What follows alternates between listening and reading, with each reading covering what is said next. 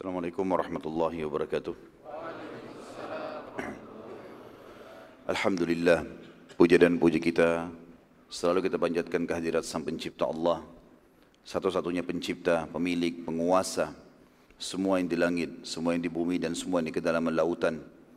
Maha kuat, maha adil, maha bijaksana, maha luas rahmatnya bagi orang-orang yang beriman dan patuh dan juga maha berat siksaannya bagi orang-orang yang durhaka dan kafir.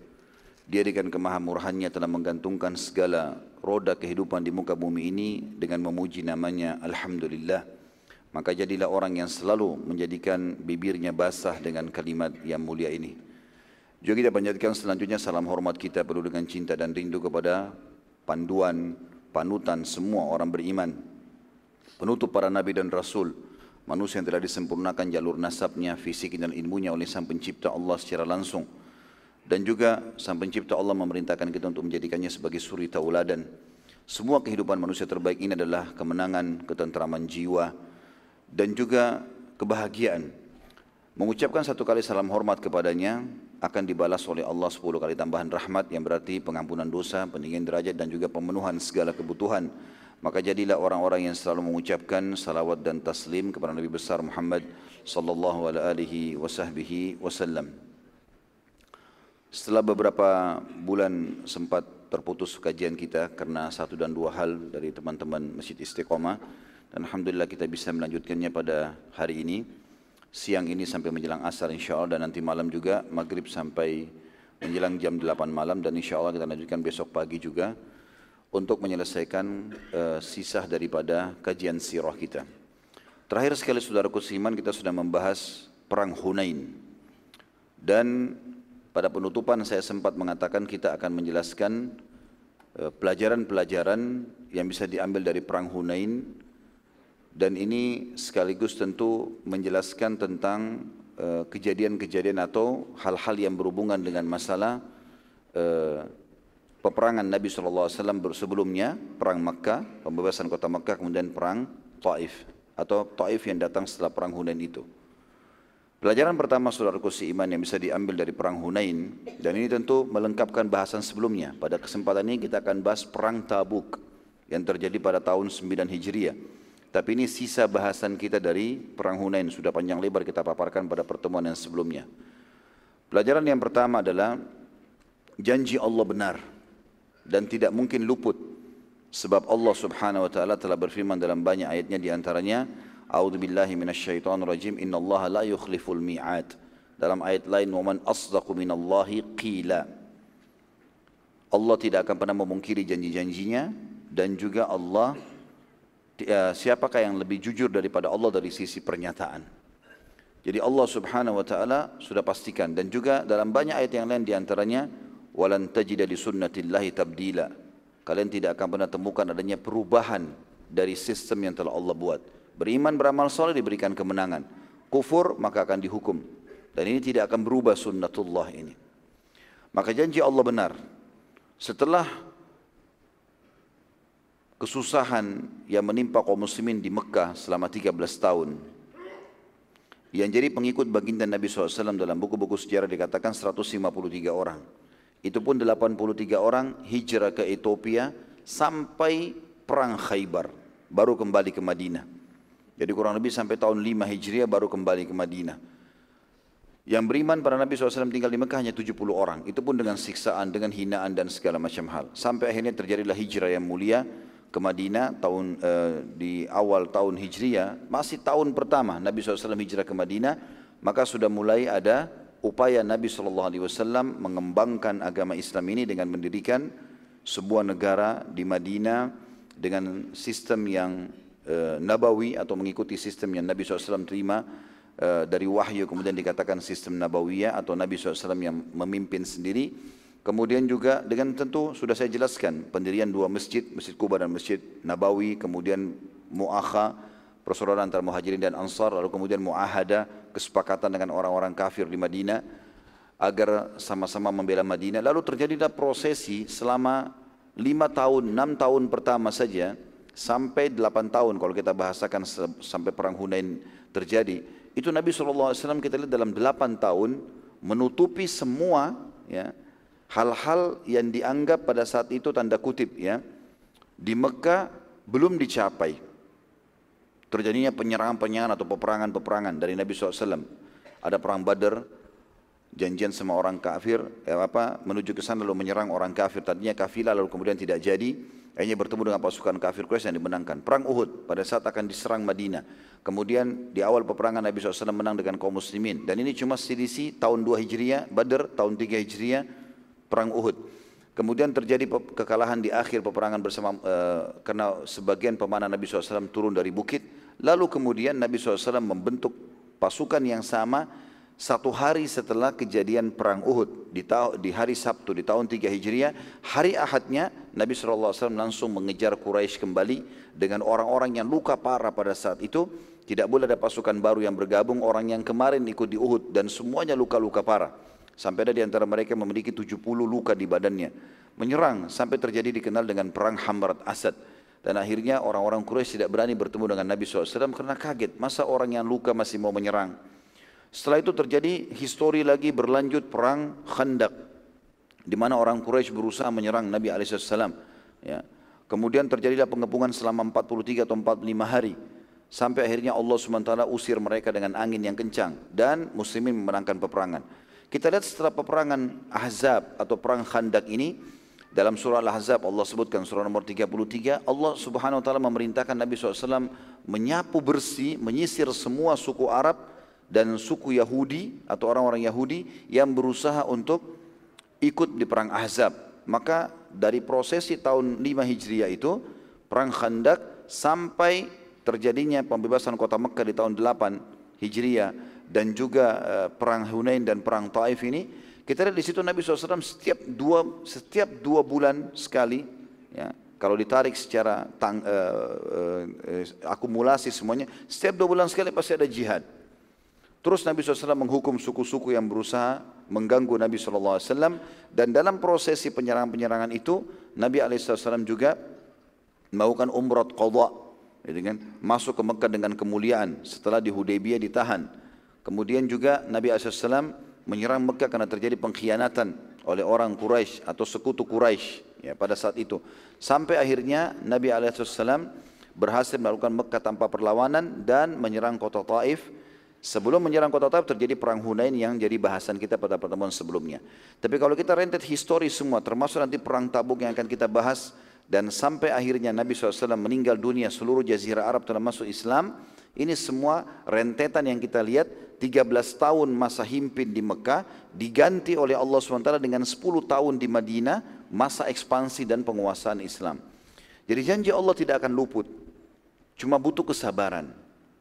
Butuh kesabaran dalam berdakwah, dalam menyampaikan kebenaran, dalam menyampaikan agama dan tidak akan mungkin berubah. Agama Islam agama yang benar. Al-Islam ya'lu wa la yu'la alaih.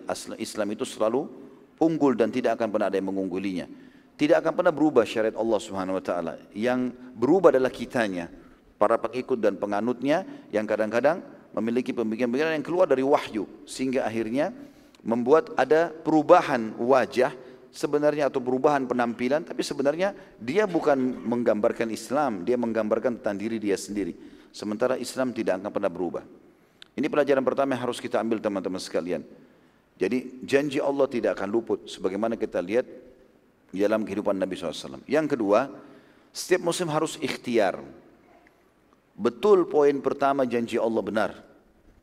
Orang mukmin akan menang orang mungkin akan bahagia orang mukmin akan begini dan begitu. Betul dan pernah saya sebutkan di sini teman-teman sekalian dalil-dalil syariah ada 17 manfaat menjadi orang soleh. Ayat-ayat Al-Quran semuanya. Diberikan rezeki, diberikan keturunan, diberikan kemenangan, diberikan kepemimpinan. Banyak manfaatnya. Tapi ini butuh ikhtiar. Ini butuh ikhtiar. Nabi SAW dijanji kemenangan. Perang Khaybar dijanjikan kemenangan. Kemudian waktu pulang dari Hudaybiyah. Kemudian pembebasan kota Mekah dijanjikan. Ya. Peperangan Hunain setelahnya dijanjikan kemenangan. Nabi SAW pulang dari kesepakatan Hudaybiyah masih membentuk pasukan di Madinah dan kemudian menyerang Khaybar. Itu pun mengepung Khaybar 40 hari sekian, 43 hari mengepung benteng pertama Khaybar belum bisa ditembus. Dan tangan Nabi SAW, jari kelingking beliau itu sempat dikena anak panah Yahudi.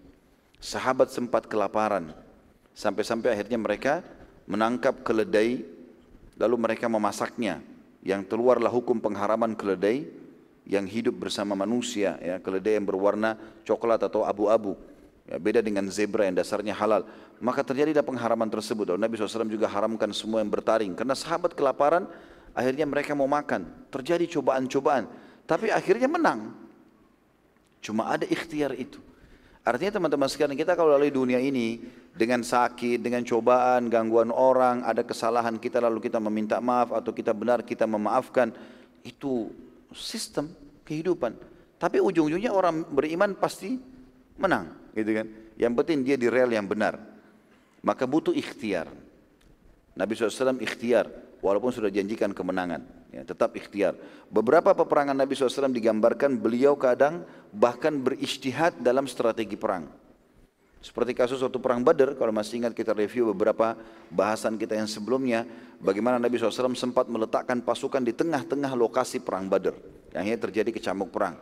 Lalu ada beberapa sahabat datang mengatakan, wahai Rasulullah, kami ingin bertanya, apakah ini anda meletakkan pasukan di tengah-tengah lokasi medan perang ini? Uh, wahyu sehingga kami tidak bisa lagi mengubahnya atau istihad dari anda. Kata Nabi SAW, ini istihad dari saya, strategi perang. Kata Nabi SAW, bisakah kami berikan masukan ya Rasulullah? Kami punya pengalaman dalam peperangan. Kata Nabi SAW, baiklah. Kata beberapa sahabat dari Ansar, bagaimana kalau pasukan kita tarik mundur sampai ke dekat sumur, sehingga e, pasukan bisa minum kalau haus, musuh juga kalau mau menyerang, kita punya benteng di bagian belakang kita tidak bisa serang dari belakang. Banyak hal yang dilakukan. Lalu Nabi SAW mengatakan pendapat yang baik. Beliau terima masukan itu, gitu kan? Jadi memang ada istihad, ada upaya, gitu kan? Istihad ini bisa benar, bisa salah. Maka ini juga termasuk yang diambil pelajaran. Ada ikhtiar-ikhtiar, yang penting ikhtiar kita benar sesuai dengan agama Allah Subhanahu wa taala. Ini pelajaran penting. Pelajaran yang ketiga, teman-teman sekalian, haramnya lari dari kancah peperangan. Tidak boleh. Ini termasuk dosa besar. Dan ini terjadi di perang Hunain. Waktu pasukan Khalid bin Walid, kalau masih ingat dengan Bani Aslam, atau Bani Sulaim, maaf, Bani Sulaim, waktu Nabi SAW mau menyerang Mekah, ada Bani Sulaim seribu orang semua penunggang kuda, ikut bersama pasukan muslimin. Tembus Mekah, mereka tetap utuh, tidak ada yang mati. Kemudian waktu menyerang suku uh, suku Hawazim di perang Hunain. Hunain sebuah lembah antara Mekah sama Taif. Waktu diserang uh, menyerang ke sana, Nabi SAW suruh uh, suku uh, Sulaim ini bersama Khalid bin Walid turun duluan di lembah Hunain. Ternyata di bawah sudah diserang tiba-tiba, akhirnya Khalid bin Walid pun luka seluruh tubuhnya dan sempat pingsan. Radhiyallahu anhu, beberapa suku Sulaim jadi korban dan kocar-kacir pasukan muslimin pada lari. Sampai Nabi SAW waktu turun di lembah Hunain, menemukan tidak ada orang. Yang ada tinggal korban-korban para sahabat yang lainnya pada lari. Beberapa buku sejarah menjelaskan ada di antara sahabat yang baru masuk Islam, mu'allaf, sekitar 2000 orang jumlah mereka. Karena pasukan muslimin dari Madinah 10 ribu, ini 2 ribu. 2 ribu ini ada yang lari sampai sudah mendekati Mekah. Karena mereka belum terbiasa dengan peperangan. Maka Nabi SAW tetap kokoh waktu itu di Hunain dengan 100 orang saja. Sampai turun Jibril AS menyampaikan kalau 100 orang ini dijamin rezekinya. Di dunia dan juga di surga dijamin masuk surga 100 orang tersebut ya. Dan ini tentu sahabat-sahabat yang berkumpul sahabat-sahabat mulia Abu Bakar, Umar, Uthman, Ali, e, beberapa sahabat-sahabat Nabi yang lain semuanya banyak yang berkumpul pada saat itu. Di situ termasuk Muawiyah bin Abi Sufyan, ya, e, Harith bin Nu'man dan beberapa ridwanullah alaihim sahabat Nabi yang mulia ini tetap mereka di sana. Dan ini pelajaran teman-teman sekalian. Ternyata orang-orang yang lari dari kancah peperangan itu dihardik, disalahkan. Dan Nabi SAW mengatakan tujuh induk dosa besar, syirik, sihir, durhaka sama orang tua, ya kemudian lari dari kancah peperangan di antaranya. Jadi nggak boleh. Orang muslim kalau masuk di medan perang, maka kasusnya cuma dua. Target pertama mati syahid. Dan kalau mati semua pasukan tidak ada kekalahan namanya. Itu menang. Karena itu targetnya. Mati, mati syahid masuk surga. Atau mereka bawa kemenangan pada saat pulang. Tidak ada lagi yang lainnya gitu. Maka ini hukumnya tidak boleh teman-teman sekalian. Ini juga pelajaran dari Hunain. Pelajaran yang keempat, tidak boleh mentashmit atau mensyamata adu, musuh. Tidak boleh menganggap remeh musuh. Karena waktu itu jumlah muslimin itu 12 ribu. Jumlah pasukan suku Hawazim 12 ribu. Belum pernah selama peperangan muslimin sebelumnya jumlah berimbang seperti ini belum pernah. Di perang Badar kita tahu 314 lawan 1000. Di perang Uhud 700 lawan 3000, gitu kan. Di perang Khandak itu 1000 sahabat di Khandak itu melawan 10.000. Kan? Kemudian di perang Khaybar, menyerang Khaybar pada saat itu pasukan muslimin 1400 orang. Khaybar berisi 10.000 pasukan Yahudi. Selalu jumlahnya tidak berimbang, gitu kan. Selalu mereka lebih banyak. Gitu. Waktu penyerangan kota Mekah, 10 ribu pasukan muslimin keluar. Mekah itu terdiri dari kurang lebih 200 ribu penduduk pada saat itu. Pasukannya mereka besar sekali, puluhan ribu orang. Tapi juga muslimin menang. Nah di perang Hunain, rupanya berimbang karena 10 ribu tetap utuh pasukan muslimin, tidak ada yang korban. Kemudian ada 2, 2 ribu mu'allaf baru datang 12 ribu. Semua sahabat waktu itu umumnya ya, umumnya eh, tanda kutip, bukan semuanya tapi umumnya mereka menganggap Bukan niat sombong, tapi sampai Abu Bakar pun dikatakan, saya sudah sebutkan riwayatnya pada benar mengatakan ya Rasulullah, kita tidak akan dikalahkan dengan jumlah seperti ini, karena belum pernah pasukan seperti ini. Statement ini saja yang banyak disampaikan oleh para sahabat. Merasa bangga dengan jumlah yang banyak dan musuh tidak akan kalahkan. Sudah masuk dalam istilah syamata. Ternyata gara-gara itu Allah subhanahu wa ta'ala memberikan kekalahan di awal peperangan. Kocar kacir pasukan muslimin. Sampai karena Nabi SAW kokoh pada saat itu dan yang mengumpulkan sampai 100 orang itu termasuk suaranya Abbas radhiyallahu anhu, paman Nabi SAW yang teriak mengatakan hai muslimin ini Rasulullah jangan kalian jangan kalian lari. Tetap aja banyak yang lari lalu Nabi SAW mengatakan panggil mereka. Bilang hai ahlus syajarah mana orang yang membaiat di bawah pohon pada saat terjadi kesepakatan Hudaybiyah? Lalu kemudian berkumpullah 100 sahabat karena Nabi SAW tetap kokoh dengan 100 orang itu sampai akhirnya berhasil mengalahkan 12 ribu pasukan e, memukul mundur pasukan Hawazim dan itu disebabkan juga karena turunnya malaikat. Ya, dan saya sudah ceritakan bagaimana prosesnya turunnya malaikat di lembah Hunain. Ya, para sahabat mengatakan kami menyaksikan langit berwarna hitam dan kami melihat banyak sekali seperti lebah yang berwarna hitam itu banyak yang jatuh menyerang pasukan orang-orang kafir dan kami pun sempat terkena tapi kami tidak bisa sampai seseorang di antara kita atau di antara kami sulit untuk melepaskan dari baju dan dari tangannya karena banyaknya semacam lebah hitam itu. Tapi orang-orang kafir melihat itu bukan lebah, mereka melihat itu adalah pasukan yang berwarna putih dan itu diceritakan oleh beberapa orang-orang suku Hawazim yang akhirnya masuk Islam setelah kekalahan mereka. Ringkas cerita tentunya pada saat itu Nabi Alaihissalam akhirnya diberikan bantuan oleh Allah SWT dengan uh, dengan kekuatan, tapi setelah kokoh dan sabar. Awalnya terjadinya kekalahan karena masalah syamata ini. Dan saya sudah pernah jelaskan teman-teman, bukan cuma pasukan musuh. Dan di antara doa Nabi SAW juga, dan jangan sampai ada syamata terhadap adu. Ya. Uh, juga kita tidak boleh syamatan ini kepada siapa saja. Kepada muslim, non muslim anggap remeh mereka yang masih ingat statement Umar bin Khattab. Kalau ada perempuan lewat sementara perutnya besar dan saya katakan ih perutnya besar bisa saja perut saya juga jadi besar. Karena tidak maunya mensyamata uh, orang lain. Ini pelajaran teman-teman. Ini penyebab kalah terkalahkan muslimin di awal perang Hunain. Yang kelima turunnya para malaikat. Dan ada dua peperangan yang turun ikut serta malaikat ya tapi yang yang yang satu ikut serta langsung, yang satunya cuma hadir. Ya. Yang yang ikut berperang di perang Badar. Dan sudah kita bacakan panjang lebar dalam surah Al-Anfal pada saat menjelaskan perang Badar. Bagaimana memang mereka datang dan Nabi SAW di, di penutupan perang Badar sempat mengatakan, apakah kalian mau melihat atau membedakan mana korban kalian dan mana korban malaikat? Para sahabat mengatakan tentu ya Rasulullah. Kata Nabi SAW, yang kalian temukan di tebasan kepala musuh itu ada luka bakar dan jari-jari mereka terpotong itulah korban para malaikat. Dan Allah sebutkan di dalam surah Al-Anfal bagaimana Allah SWT menyuruh memenggal leher-leher orang kafir dan memotong jari-jari mereka kepada para malaikat-malaikatnya. Dan juga ada sahabat yang mengatakan saya pernah saya waktu di Badr akan menebas leher seorang kafir karena pedangnya sudah lepas. Begitu saya mau ayunkan pedang saya kepalanya sudah terpental sendiri karena adanya ikut serta malaikat. Ada sahabat yang mendengar panggilan nama-nama yang asing tidak di kalangan sahabat. Lalu mereka bertanya, ya Rasulullah, kami dengar ada suara begini. Kata Nabi SAW itu malaikat yang memanggil sahabat-sahabatnya untuk menyerang. Ringkas cerita mereka hadir pada saat itu. Di perang Hunain hadir juga para malaikat, tetapi mereka tidak ikut dalam peperangan. Hanya muncul dan dengan munculnya sudah cukup membuat suku Hawazim jadi bubar dan kocar kacir. Bubar dan kocar kacir. Jadi ini ada keterlibatan malaikat ya, dalam peperangan Nabi alaihissalatu wassalam. Sebagian ulama mengatakan bukan mustahil. Di setiap medan jihad Allah SWT berikan pertolongan dengan datangnya para malaikat. Tapi umumnya kaum mukminin tidak melihat mereka. Karena mereka sudah tahu, mereka sudah beriman. Sebagian ulama misalnya memberikan contoh saja agar kita bisa lebih faham poin ini. Kenapa sekarang yang banyak mengadakan penelitian di langit, di udara ya, dengan pesawat terbang, melihat bulan, bintang-bintang, yang di, di bumi, eh, penelitian tentang hewan-hewan, tumbuh-tumbuhan, segala macam, di dalam laut. Kenapa kebanyakan orang non-muslim? Kenapa bukan orang Islam? Maka ulama memberikan rincian, mengatakan sederhana saja, karena umat Islam sudah yakin kepada Allah.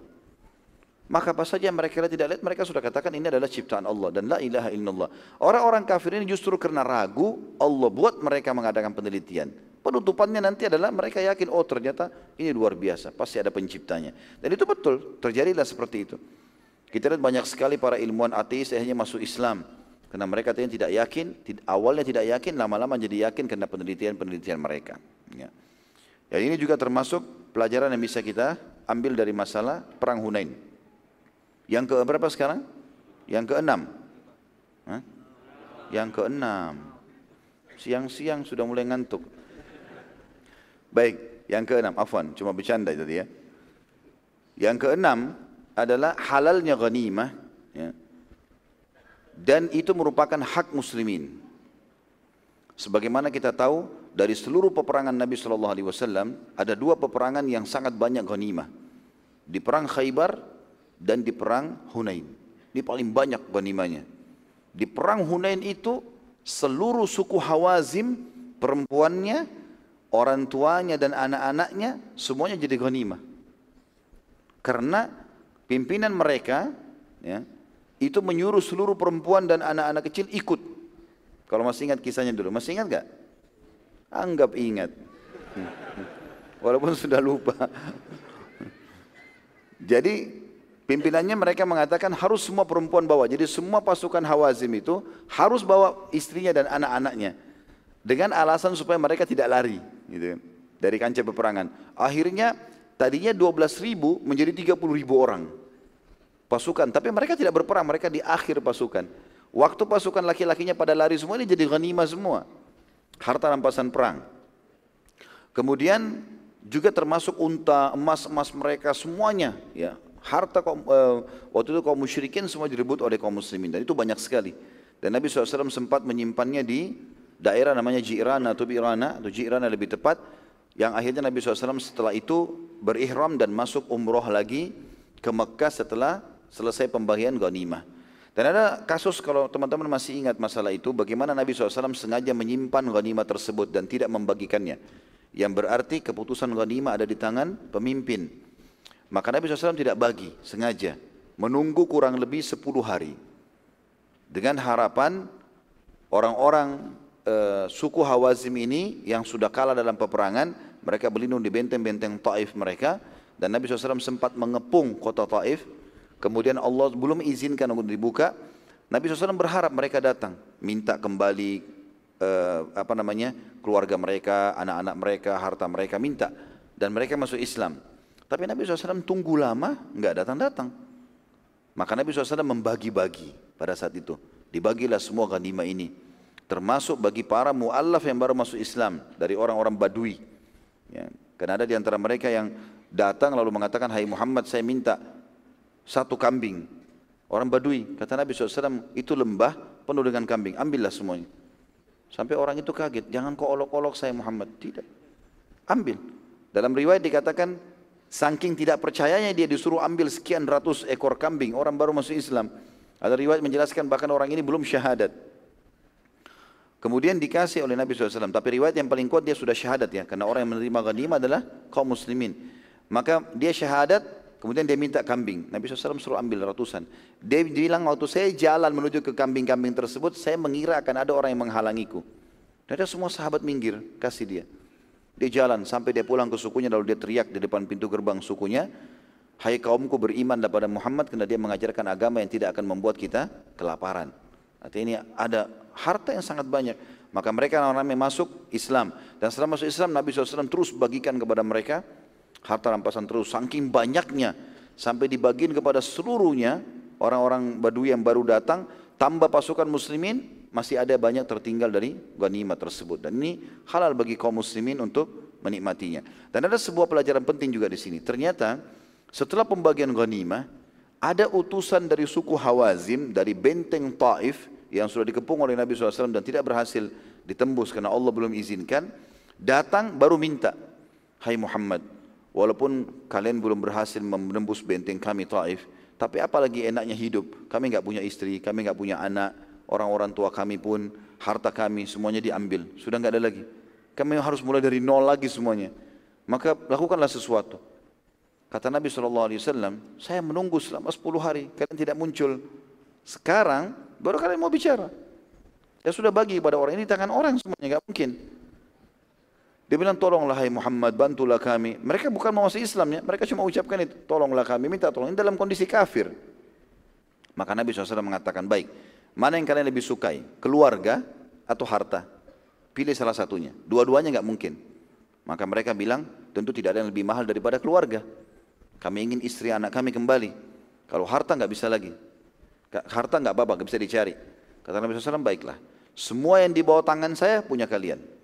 Yang Nabi SAW punya bagiannya, kembalikan semua. Dan saya akan kumpulkan orang-orang, nanti kalian sampaikan keluh kesah kalian. Dikumpulkanlah pasukan muslimin, 12 ribu orang, lalu Nabi SAW mengatakan, Hai muslimin, uh, sesungguhnya telah datang utusan Hawazim, dan mereka ingin berbicara. Sampaikanlah, maka mereka mengatakan, hai manusia, kasihanilah kepada kami. Walaupun kalian belum menembus benteng kami, tapi apalagi enaknya hidup. Tidak ada keluarga, tidak ada istri, nggak ada anak, nggak ada orang tua. Harta kami sudahlah, tapi keluarga kami. Gitu kan? Rupanya mereka terdiam, para sahabat terdiam. Mau kembalikan atau enggak? Ini sudah hak, hak milik sekarang. Ghanimah. Maka Nabi SAW memulai statement mengatakan, semua yang di bawah tanganku milik kalian. Walau kalian semua kembali, istri, anak, semua jadi hak milik kalian. Tidak ada lagi perbudakan. Tapi kalau harta, nggak bisa, kata Nabi SAW. Maka rupanya ada sahabat-sahabat pada berdiri nih. Di tangan saya juga saya serahkan karena menghormati Nabi SAW. Di sana berdiri, sana berdiri, sana berdiri. Banyak sahabat. Mengizinkan semua agar dikembalikan.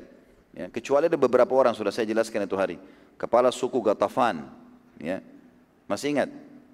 Hah? Anggap ingat. Dia enggak mau, ya. Bin Muhsin, gitu kan. Dia enggak mau. Dia mengatakan, ya Rasulullah, ini sudah milik saya, saya enggak mau. Lalu Nabi SAW nego sama dia, kembalikanlah, saya akan ganti. Lalu dia, karena baru masuk Islam, mu'allaf enggak ngerti, dia nego sama Nabi. Dia bilang, berapa negonya ya Rasulullah? Artinya, satu perempuan dan satu anak-anak ini mau ditukar berapa? Kata Nabi SAW, setiap jiwa empat ekor unta. Dia bilang, baiklah, negosiasi. Akhirnya ditukarlah dengan unta-unta. Sampai akhirnya kembalilah seluruh wanita dan anak-anak dari uh, suku Hawazim. Gitu kan. Lalu mereka kembali. Mereka kembali membawa itu tapi harta mereka sudah menjadi milik muslimin. Dan ini tentu sudah kita panjang lebar jelaskan historinya pada pertemuan sebelumnya. Tapi ini pelajarannya yang kita ambil adanya ghanimah. Dan Nabi SAW mengatakan sesungguhnya telah diberikan kepadaku enam hal yang tidak diberikan kepada Nabi sebelumku. Di antaranya adalah dihalalkan bagiku ghanimah.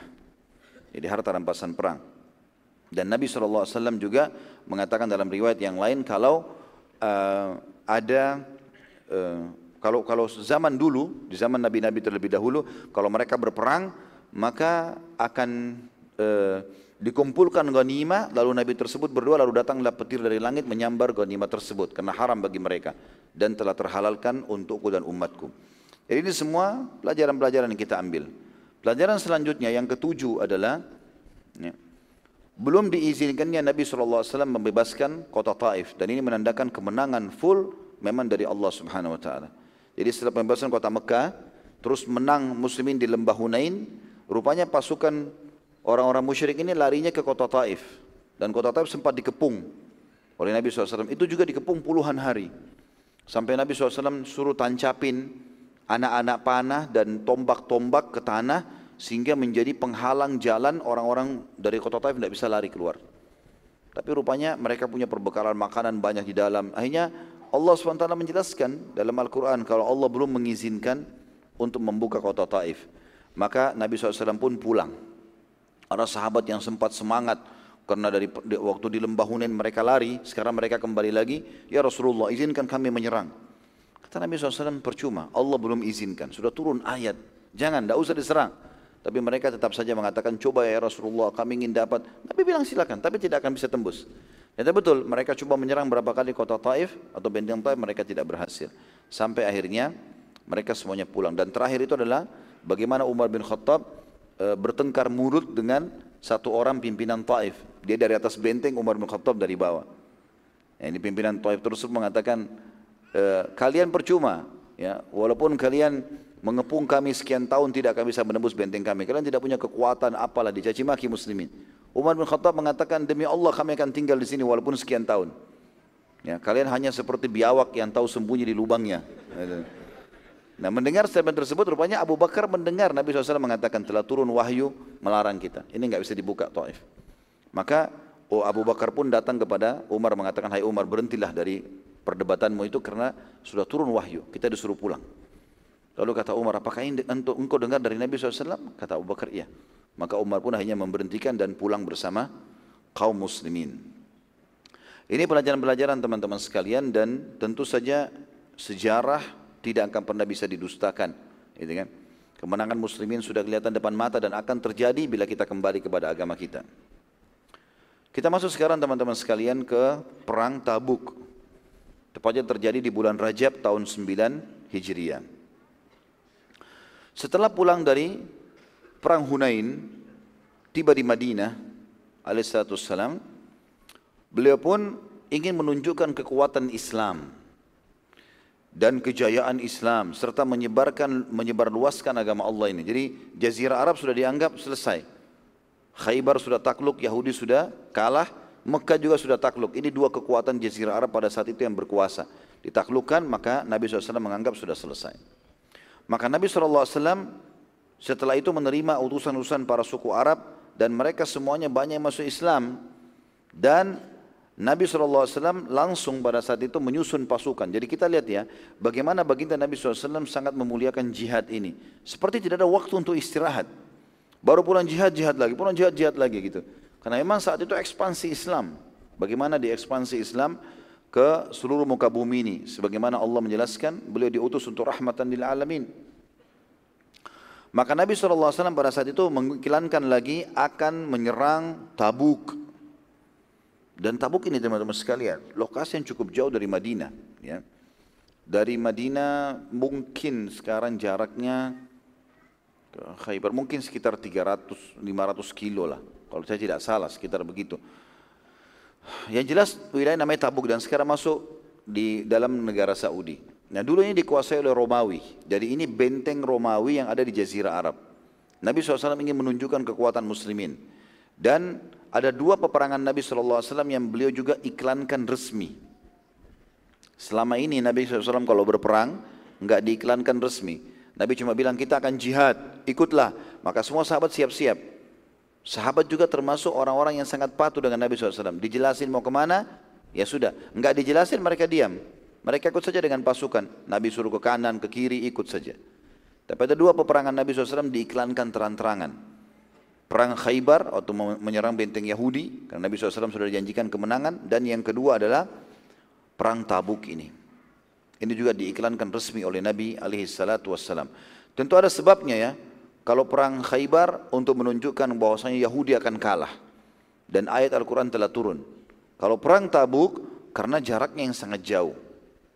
Pada saat itu dan butuh memang pengorbanan kaum muslimin ya agar mereka mempersiapkan diri. Baik, perlu digarisbawahi teman-teman sekalian, jihad yang dikumandangkan oleh Nabi SAW di perang Tabuk ini wajib untuk semua laki-laki muslim. Sebelumnya ada peperangan yang Nabi SAW kasih pilihan. Ada yang dikasih udur, tapi di perang Tabuk ini wajib semuanya ikut. Maka tidak ada udur ini untuk tidak tidak maksudnya Harus ada udur syar'i yang betul-betul baru bisa. Orang buta matanya, ya, Al-Quran dikatakan itu ada orang pincang, ya. Orang yang betul-betul udur tidak bisa sanggi sama sekali. Ya, kau para kaum wanita, orang tua dan seterusnya. Ini mungkin anak-anak kecil. Tapi yang lain ini nggak bisa lagi, wajib. Perang Tabuk ini teman-teman diberikan nama juga dengan perang usrah atau perang yang sulit ya. Kenapa dikatakan usur? Ini sulit karena memang dia dilakukan di musim panas. Puncak musim panas. Ya. Ini lawannya perang Khandak. Perang Khandak itu perang Parit ya, atau perang Ahzab itu terjadi di puncak musim dingin. Tapi ini di puncak musim panas. Dan di musim panas ini perlu kita garis bawahi teman-teman sekalian. Kalau makin panas maka buah kurma makin bagus kualitasnya. Jadi kalau antum pas lagi umroh atau lagi haji pas puncak musim panas itu buah kurma paling bagus kualitasnya dan ada kurma-kurma yang keluar mungkin tidak keluar di selain musim-musim panas itu. Jadi kualitasnya sangat bagus. Nah kebetulan pendapatan muslimin atau penduduk Madinah secara khusus atau jazirah Arab makan secara umum itu dari kurma. Ini musim panas puncak dan tepatnya beberapa hari lagi akan panen kurma. Dia akan panen dan panen ini berarti akan panen makanan, akan penuh gudang-gudang persiapan makanan mereka dan juga akan kaya karena akan di, di dijual. Dan kurma ini termasuk buah yang bisa bertahan lama sampai setahun, dua tahun, nggak rusak kalau kurma-kurma kering, gitu kan. Maka ini keuntungan yang sangat besar. Tapi subhanallah, justru cobaan Allah datang di situ. Disuruh mereka jihad dan wajib di musim panas, lagi panas sekali. Orang kalau bagi perang bukan kayak kita sekarang bagi taklim pakai baju kaos, apa kain kaos maksud saya, pakai kain yang tipis, kita santai saja. Tapi pergi perang pakai baju besi tebal, pakai topi besi panas gitu. Ini musim panas. Tambah lagi mereka semua adalah pedagang, uh, uh, pe, apa, petani kebun, ya petani kurma, baik pemilik ataupun petaninya sendiri, baik dia pemilik kebunnya atau petaninya, pekerjanya. Dan mereka akan panen sebentar lagi, disuruh jihad. Istri-istri mereka nggak ada yang bisa cabut naik ke atas pohon turunin buah kurma. Ini berarti kalau tidak diambil matang di pohon bisa rusak. Jatuh pun dipungut maka mereka mungkin tidak tahu sortir. Ini kerjanya laki-laki semuanya. Tapi subhanallah pada saat itu memang Allah SWT datangkan cobaannya. Ini sudah puncak mendekati meninggalnya Nabi SAW. Ya, ini terjadi tahun 9 Hijriah. Nabi SAW tinggal setahun saja, setahun sekian bulan itu sudah meninggal dunia alaihissalam. Maka di sini puncak-puncaknya bagaimana Allah SWT menguji. Dan perang tabuk ini walaupun nanti muslimin melawan Romawi saudaraku seiman, sebenarnya yang terjadi adalah perang antara muslimin dengan kaum munafikin. Di sini nanti kita lihat bagaimana perang tabuk ini membongkar kedok orang-orang munafik. Dan kita juga bisa mengambil pelajaran yang sangat besar bagaimana di tengah-tengah kita, di zaman sekarang pun atau di zaman yang akan datang pun munafik akan selalu ada. Dan di sini banyak sekali pembongkaran tentang kedok-kedok mereka di perang tabuk ini. Orang-orang munafik dan orang-orang badui yang masih lemah imannya, mereka pada berdatangan kepada Nabi SAW. Karena jihad wajib sekarang. Nggak ada lagi udur. Kecuali dia sakit kah betul-betul tidak ada ada udur syar'inya. Kalau enggak nggak boleh. Maka mereka mencari-cari alasan agar bisa tidak ikut jihad. Salah satu ya ada di antara mereka yang meminta pertama sekali meminta izin agar tidak jihad seorang munafik namanya Al-Ja'd bin Qais. Nama ini kalau teman-teman review kembali bukan nama yang asing. Waktu kesepakatan Hudaybiyah terjadi antara muslimin dengan orang-orang musyrik Mekah, ada 1400 orang sahabat. Ya, tepatnya ahli sejarah mengatakan 1400 dengan Nabi Shallallahu alaihi wasallam, maka sahabat 1399.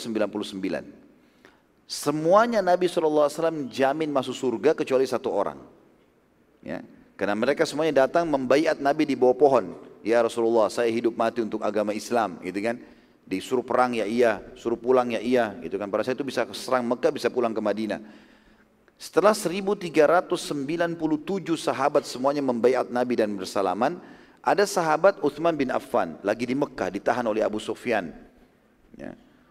Kemudian Nabi SAW memegang tangan kiri beliau dengan dengan tangan kanan sambil mengatakan ini tangannya Uthman. Jadi sudah 1398 sahabat. Karena jumlah mereka 1399, yang satu ini rupanya munafik. Itulah Al-Ja'd bin Qais ini. Dia berusaha sembunyi-sembunyi di belakang unta. Maka Nabi SAW mengatakan dalam statement yang masyhur, tidak ada seorang pun yang membayar di bawah pohon ini kecuali masuk surga. Pasti masuk surga. Kecuali yang sembunyi di belakang unta merah. Nah itu Al-Ja'ad bin Qais ini. Dia yang di situ. Subhanallah dia sudah tahu, dia dengar hadis ini. Gara-gara dia munafik, kemudian dia tidak mau membayar pada saat itu tidak dijamin surga baginya. Di perang ini kembali lagi dia dengan kemunafikannya. Dia orang yang paling pertama minta izin dengan Nabi SAW. Dan statementnya nggak masuk di akal. Dia bilang, ya Rasulullah, Anda akan menuju ke wilayah Romawi. Dan tidak ada satupun bangsa Arab yang tidak mengenal bagaimana aku aku sangat mudah terkena fitnah wanita. Jadi dia buka kedoknya kalau dia ini, ya apalah bahasa kita sekarang, playboy. Tidak ada satupun orang bangsa Arab yang tidak kenal saya, ya yang mudah kena fitnah wanita, gitu kan. Dan saya takut kena fitnahnya wanita orang Romawi. Ya. Wanita bule ini saya takut kena fitnah. Seperti itulah bahasanya dia. Maka izinkan saya Rasulullah. Saya nggak mau ikut jihad. Alasannya gara-gara takut kena fitnah wanita. Orang pergi jihad bukan mau lihat perempuan, gitu kan? Tapi subhanallah dia bahasanya begitu. Nabi SAW akhirnya mengizinkan dia, tapi ada alasan. Ya, Nabi SAW ada alasan mengizinkan. Pertama, Nabi SAW menganggap Orang ini sudah dikenal munafik. Dia pun ikut tidak ada gunanya. Dia tidak bermanfaat nanti buat dia. Kasus waktu 300 orang ikut di perang Uhud kalau masih ingat. Tadi kan jumlahnya muslimin 1000. 700 orang orang mukmin, 300 orang orang munafik. Buat masalah mereka. Begitu pergi ke Uhud, mereka pulang tuh 300. Dan mereka sebarin berita, untuk apa kita melawan? Lebih baik kita dalam benteng. Seperti itulah. Nanti kita lihat juga di perang Tabuk, mereka buat begitu tuh menahan-nahan pasukan muslimin untuk berperang. Dari sisi lain, Nabi SAW beristihad. Ya, beristihad, mungkin orang ini punya udur, ya sudahlah. Ya, diizinkan oleh Nabi SAW. Nanti kita lihat bagaimana ayat mengingatkan masalah itu ya. Nanti kita akan banyak membaca surah At-Taubah pada kesempatan ini insya Allah. Allah subhanahu wa ta'ala membongkar atau membuka kebohongan Al-Ja'ad bin Qais ini. Dalam surah At-Taubah, surah nomor 9 ayat 49. Surah nomor 9 ayat 49 yang bunyinya a'udzubillahi minasyaitonir rajim wa minhum may yaqulu dzalli wa la taftinni ala fil fitnati saqatu wa inna jahannama la muhitatun bil kafirin ada di antara mereka yang berkata kepada Muhammad berilah aku izin untuk tidak ikut berperang di Tabuk dan jangan kamu menjadikan aku terjerumus dalam fitnah maksudnya fitnah wanita ketahuilah bahwa mereka telah terjerumus dalam fitnah kata Allah dan sungguhnya jahanam itu benar-benar meliputi orang-orang kafir. Ada penjelasan para ulama tafsir, ada beberapa orang munafik yang tidak mau ikut berperang ke Tabuk atau daerah kekuasaan Romawi dengan berdalih khawatir akan tergoda oleh wanita-wanita Romawi. Berhubung dengan itu turunlah ayat ini untuk membuka rahas, membukakan rahasia mereka dan menjelaskan bahwa keenggangan mereka pergi berperang itu adalah karena kelemahan iman mereka dan bukan karena takut fitnah wanita. Allah yang maha perkasa juga mengingatkan nabinya tentang keputusan mengizinkan kaum munafik untuk tidak ikut. Jadi ada selain Ja'ad bin Qais juga datang. Ya Rasulullah izinkan, ya Rasulullah izinkan. Oh, Nabi SAW diizinkan semua. Allah mengingatkan itu dalam Al-Quran. Bahkan Allah subhanahu wa ta'ala memastikan kalau itu perbuatan yang ya, tidak diinginkan oleh Allah subhanahu wa ta'ala. Lalu Allah memaafkan nabinya alaihissalam. Kita dengarkan di sini bagaimana Allah subhanahu wa ta'ala menyebutkan dalam surah At-Taubah Surah sama tadi, surah nomor 9 ayatnya 43. Allah SWT berfirman, A'udzu billahi minasyaitonir afallahu anka lima adzinta lahum hatta yatabayyana lakal ladzina sadaqu wa ta'lamal kadzibin. Semoga Allah memaafkan Muhai Muhammad. Mengapa kamu memberi izin kepada mereka untuk tidak ikut berperang sebelum jelas bagimu orang-orang yang benar dalam uzurnya dan sebelum kamu mengetahui orang-orang yang berdusta. Tapi di sini Nabi SAW sudah dimaafkan oleh Allah Subhanahu wa taala. Ya. Di antara kaum munafikin ada juga yang beralasan bahwa ini musim panas. Janganlah pergi. Nanti kita akan jelaskan ini adalah statementnya Abdullah bin Abi Salul, ya, kepala munafikin. Oleh karena itu jangan keluar jihad. Allah juga membongkar dan menceritakan statement mereka. Turun ayat sebelum terjadi peperangan nih, ayat terus turun. Sudah membongkar nih orang-orang tidak mau ikut karena dusta semua nih. Dalam surah At-Taubah sama surah nomor 9 ayat 81. Allah berfirman, A'udzu billahi minasyaitonir rajim. فرح المخلفون بمقعدهم, بمقعدهم إن خلاف رسول الله وكرهوا أن يجاهدوا بأموالهم wa karihu an yujahidu bi amwalihim wa anfusihim fi sabilillahi wa qalu la tanfiru fil har qul naru jahannam ashaddu harra Orang-orang yang ditinggal tidak ikut berperang dari kalangan munafikin, mereka gembira dengan tinggalnya mereka di belakang Rasulullah SAW. Maksudnya tidak ikut pasukan. Dan mereka tidak suka berjihad dengan harta dan jiwa mereka pada jalan Allah.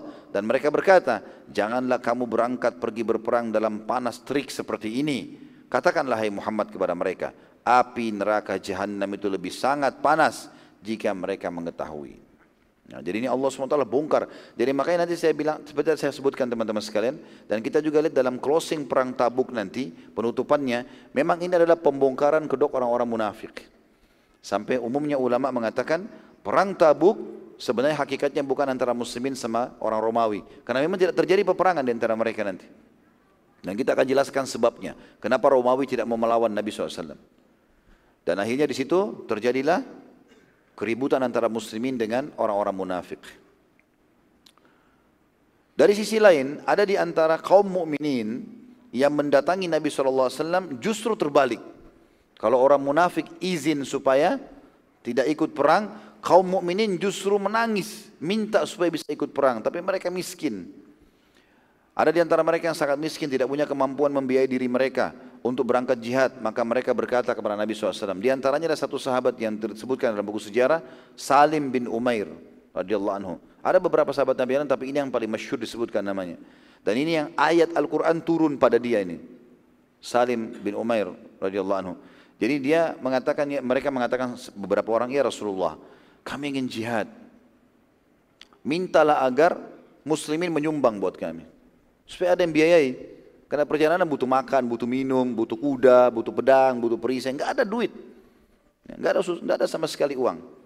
Maka Nabi SAW waktu itu mengumumkan, mengiklankan secara terang-terangan sodakah. Bersodakahlah, kumpulin, ini jihad.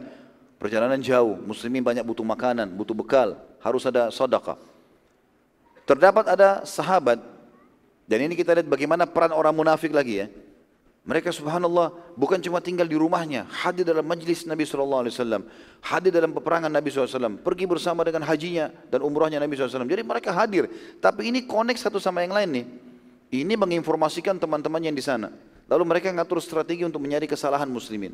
Ini sudah terjadi di zaman dulu. Jadi jangan heran kalau sekarang cari macam-macam untuk umat Islam jadi bentrok ini, itu sudah biasa. Ciri orang munafik dari dulu itu. Di sini dikatakan Waktu Nabi SAW bilang sadaqalah, ada satu sahabat bawa harta yang banyak. Tapi di dalam riwayatnya tidak disebutkan namanya. Saya, saya tidak temukan ya, mungkin keterbatasan ilmu saya. Maka dia membawa harta yang banyak, saking beratnya sampai susah dia mengangkatnya, ditaruh di kain yang besar. Langsung ditaruh di depan Nabi SAW, ya Rasulullah ini sadaqah. Ini orang pertama bersadaqah waktu itu. Ternyata di majelis Nabi ada orang munafik. Apa mereka bilang? Oh ria ini. Padahal mereka sendiri tidak bersodokah gitu. Mereka nggak ada andilnya. Begitu lihat orang, oh ria. Begitu masjid lagi dibangun, ada penyumbang fulan-fulan, ria. Dia sendiri nggak masukin uang. Hah? Ada nggak begitu sekarang? Nggak ada? Masa? Ada banyak. Mudah-mudahan tidak ada yang hadir. Kalau di majelis Rasulullah aja hadir, apakah di majelis kita gitu ya? Tapi insya Allah tidak ada tuh. Yang jelas pada saat itu teman-teman sekalian, dibilang ria dan mereka sebarin gosip itu di majelisnya Nabi itu. Ria, ria, ria, ria. Jadi kena ini sahabat ini nyumbang baik-baik. Rupanya setelah sahabat itu ada sahabat satu lagi datang, miskin, nggak punya apa-apa. Dia cuma bawa satu keranjang kecil, satu uh, sa kurma. Gitu kan? Ya mungkin dua setengah kilo kurma dibawa sama dia. Ditaruh. Begitu disumbang, iya Rasulullah, ini cuma ini yang saya bisa bilang. Yang paling pertama nyeletuk munafik lagi. Mau bikin apa satu sak kurma? Apa gunanya? Gitu. Untuk pasukan yang banyak. Ini statement itu dibuang. Lemparin. Diolok-olok kaum muslimin. Dan itu terjadi. Zaman sekarang di media keluar olok ini, olok itu. Salah semua umat Islam. Apa saja. Bangun masjid ini salah, pengajian ini salah, itu salah. Oh, dibuat masalah terus. Gitu. Itu terjadi. Ini di depan Nabi SAW ini. Orang bawa banyak, ria. Orang bawa sedikit, mana bisa cukup. Nah. Allah subhanahu wa ta'ala membongkar kedok mereka.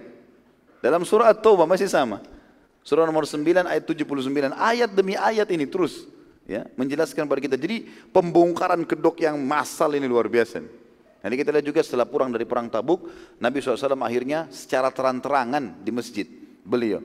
Siapa yang saya sebut namanya berdiri itu berarti munafik. Nabi sebut, fulan berdiri, fulan berdiri, fulan berdiri. Terbongkar semua kedoknya. Nanti setelah selesai itu. Tapi ini masih dalam proses perang tabuk. At-Taubah ayat 79 berbunyi, A'udzubillahi minasyaitonirrajim. Alladzina yalmizuna al-muttawwi'ina minal mu'minina fis sadaqati walladzina la yajiduna illa juhdahum fayaskharuna minhum sakhirallahu minhum walahum adzabun alim. Orang-orang munafik itu adalah orang-orang yang mencelah orang-orang mukmin yang memberi sedekah dengan sukarela. Tadi orang yang membawa sumbangan banyak itu dicela, ria. Dan mencela orang-orang yang tidak memperoleh untuk disodokahkan selain sekedar kesanggupannya. Sahabat yang kedua. Jelas nggak? Dibuka Al-Qur'annya ya. Kalau buka punya Al-Quran di, di handphonenya dibuka, dilihat. Karena secara letter let di sini Allah menceritakan kejadian itu subhanallah. Kejadian dua tadi sahabat ini. Dan mereka juga mencela orang-orang yang tidak memperoleh untuk disodokakan selain sekedar kemampuan mereka. Maka orang-orang munafik itu menghina mereka. Allah akan membalas penghinaan mereka itu dan untuk mereka adab yang pedih. Nyata sekali ayat ini turun subhanallah. Ya. Namun karena yang miskin cukup banyak, jadi sudah banyak sahabat yang nyumbang. Ada dua orang, tiga orang, mau ada yang datang, tapi dua orang yang disebutkan dalam ayat tadi. Tapi karena banyak sahabat yang miskin yang mau ikut gitu kan. Maka dan fasilitas jihad besar. Harus ada kuda. Biasanya orang kalau pergi jihad zaman dulu itu bawa dua ekor kuda. Satu kuda yang dia tunggangi, satu kudang cadangan. Atau membawa bekal makanan. Nanti di tengah jalan, misalnya sudah jalan 50-60 kilo, dia turun dari kudanya, kuda yang tadi dia pakai tunggangi diganti. Ditunggak, ditaruh makanan yang yang tadi istirahat itu dipakai sama dia untuk ditunggangi dan seterusnya. Atau kalau mati kudanya ada kuda cadangan. Seperti itu. Ada yang bahkan bawa membawa, membawa banyak. Ada yang bawa un, uh, kambingnya. Ada banyak sahabat yang bawa kambing. 10 ekor, 20 ekor. Nanti di tengah jalan dipotongin untuk muslimin makan sebagai sedekah. Jadi mereka pergi jihad itu bawa banyak bekal.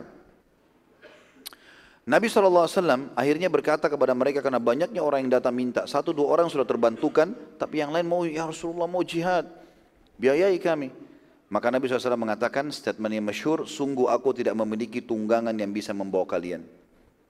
Maka sahabat-sahabat ini pulang dari masjid Nabi keluar menangis.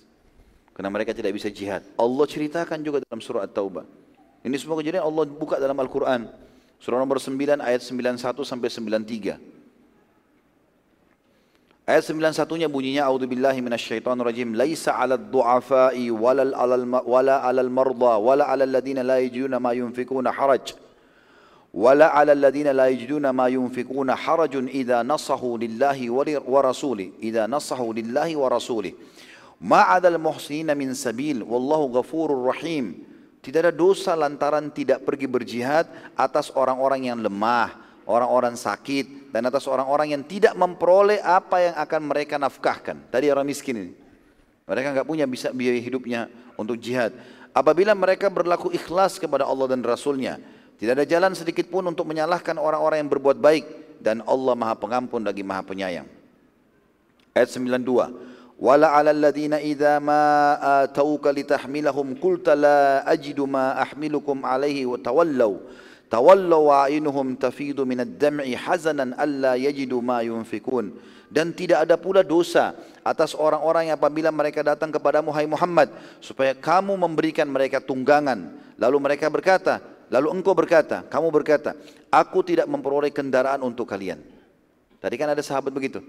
Ya Rasulullah biayai kami. Gak ada lagi, saya nggak punya apa-apa. Rasulullah pun tidak bisa, Sallallahu Alaihi Wasallam. Lalu mereka kembali meninggalkan masjid, sedang mata mereka bercucuran air mata karena kesedihan lantaran mereka tidak memperoleh apa yang mereka nafkahkan atau apa yang akan mereka nafkahkan. Ayat 93-nya, Innamas sabilu ala alladhina yasta'dhinunaka wa hum agniya radu bi an yakunu ma'al khawalifi wa taba Allahu ala qulubihim fahum la ya'lamun. Sesungguhnya jalan untuk menyalahkan atau boleh kita salahkan orang yang tidak ikut jihad hanyalah terhadap orang-orang yang meminta izin kepadamu. Tadi orang-orang munafik itu. Padahal mereka itu adalah orang-orang kaya. Mereka rela berada bersama dengan orang-orang yang tidak ikut berperang dan Allah telah mengunci mati hati mereka. Maka mereka tidak mengetahui akibat perbuatan mereka sendiri. Dengan adanya anjuran Nabi SAW agar muslimin bersodaka dengan janji pahala yang besar, maka para sahabat mulai berlomba-lomba membawa sedekah mereka untuk mengejar pahala jihad. Karena ayat Al-Quran turun, ya, disuruh jihad bi amwalikum wa anfusikum, bi amwalikum wa anfusikum dengan harta dan jiwa kalian. Dan Nabi SAW pada saat itu terus saja memotivasi para sahabat bersodakalah ini kesempatan besar ini adalah tanah ini adalah uh, apa namanya tabungan untuk akhirat maka Umar bin Khattab disebutkan dalam riwayat-riwayat yang sahih riwayat Bukhari Muslim beliau pun mengatakan jadi sebab ini ini tentu hal yang positif, tidak dilarang dalam agama Islam. Bersaing dengan saudara muslim dalam hal yang positif. Umar mengatakan pada saat dengar Nabi kumandangkan sodaka, dia mengatakan hari ini saya akan kalahkan Abu Bakar. Ya. Karena kasusnya dia merasa Abu Bakar selama ini selalu lebih dari dia dari sisi ibadah. Hari ini saya akan kalahkan Abu Bakar. Sebagian ahli hadis mengatakan kemungkinan Umar bin Khattab menganggap Abu Bakar belum mendengar penyampaian Nabi masalah sodaka atau memang dasarnya Umar membawa harta yang paling banyak menurut dia pada saat itu. Dalam hadis ini dikatakan maka Umar pun akhirnya membawa setengah hartanya. Dan menghadap Nabi SAW lalu mengatakan ya Rasulullah ini setengah hartaku. Ya, atau dia katakan ya Rasulullah ini sodaka di jalan Allah. Kata Nabi SAW apa yang kau tinggalkan buat keluargamu? Kata Umar seperti ini juga. Maksudnya setengah untuk jihad setengah untuk keluarga dalam lama kemudian Abu Bakar muncul, lalu membawa harta. Umar masih melihat. Lalu dikatakan ya Rasulullah ini sedekah di jalan Allah. Kata Nabi SAW, apa yang kau tinggalkan buat keluargamu? Dia mengatakan Allah dan Rasulnya. Artinya semua harta saya saya bawa nih. Kata Umar, mulai hari ini saya sudah tahu saya tidak akan pernah kalahkan Abu Bakar. Tapi hal ini kata sebagian ulama dibolehkan karena dia merasa bukan mau menjatuhkan saudaranya tapi dia mau menyamai pahalanya atau bisa berbuat lebih dari itu tanpa berharap hilang dari saudaranya tadi. Makanya dibolehkan. Ini namanya giptah dalam dalam istilah agama kita. Kita cemburu pada seseorang tapi tidak berharap nikmat itu hilang dari dia. Kita berharap seperti dia atau lebih, itu dibolehkan. Kalau kita berharap hilang dari dia namanya hasad, iri, dengki ini nggak boleh. Nabi SAW masih terus saja memotivasi para sahabat untuk ya bernyumbang, bersedekah, terutama para pedagang-pedagang yang kaya raya. Maka beliau SAW naik atas mimbar lalu menyampaikan keutamaan sedekah. Lalu beliau SAW bersabda dalam penutupan motivasi tentang sedekahnya, siapa yang mempersiapkan, membiayai ya, apa saja pasukan usrah ini, maka baginya surga. Sekarang siapa saja yang bersedekah di sini, walaupun belum pergi jihad, sudah dapat surga. Ya. Maka Uthman bin Affan pada saat itu hadir, anak mantu Nabi SAW. Dia pun berdiri sambil mengatakan, Ya Rasulullah, aku sumbangkan 100 ekor kuda. Siap sama seluruh perbekalannya.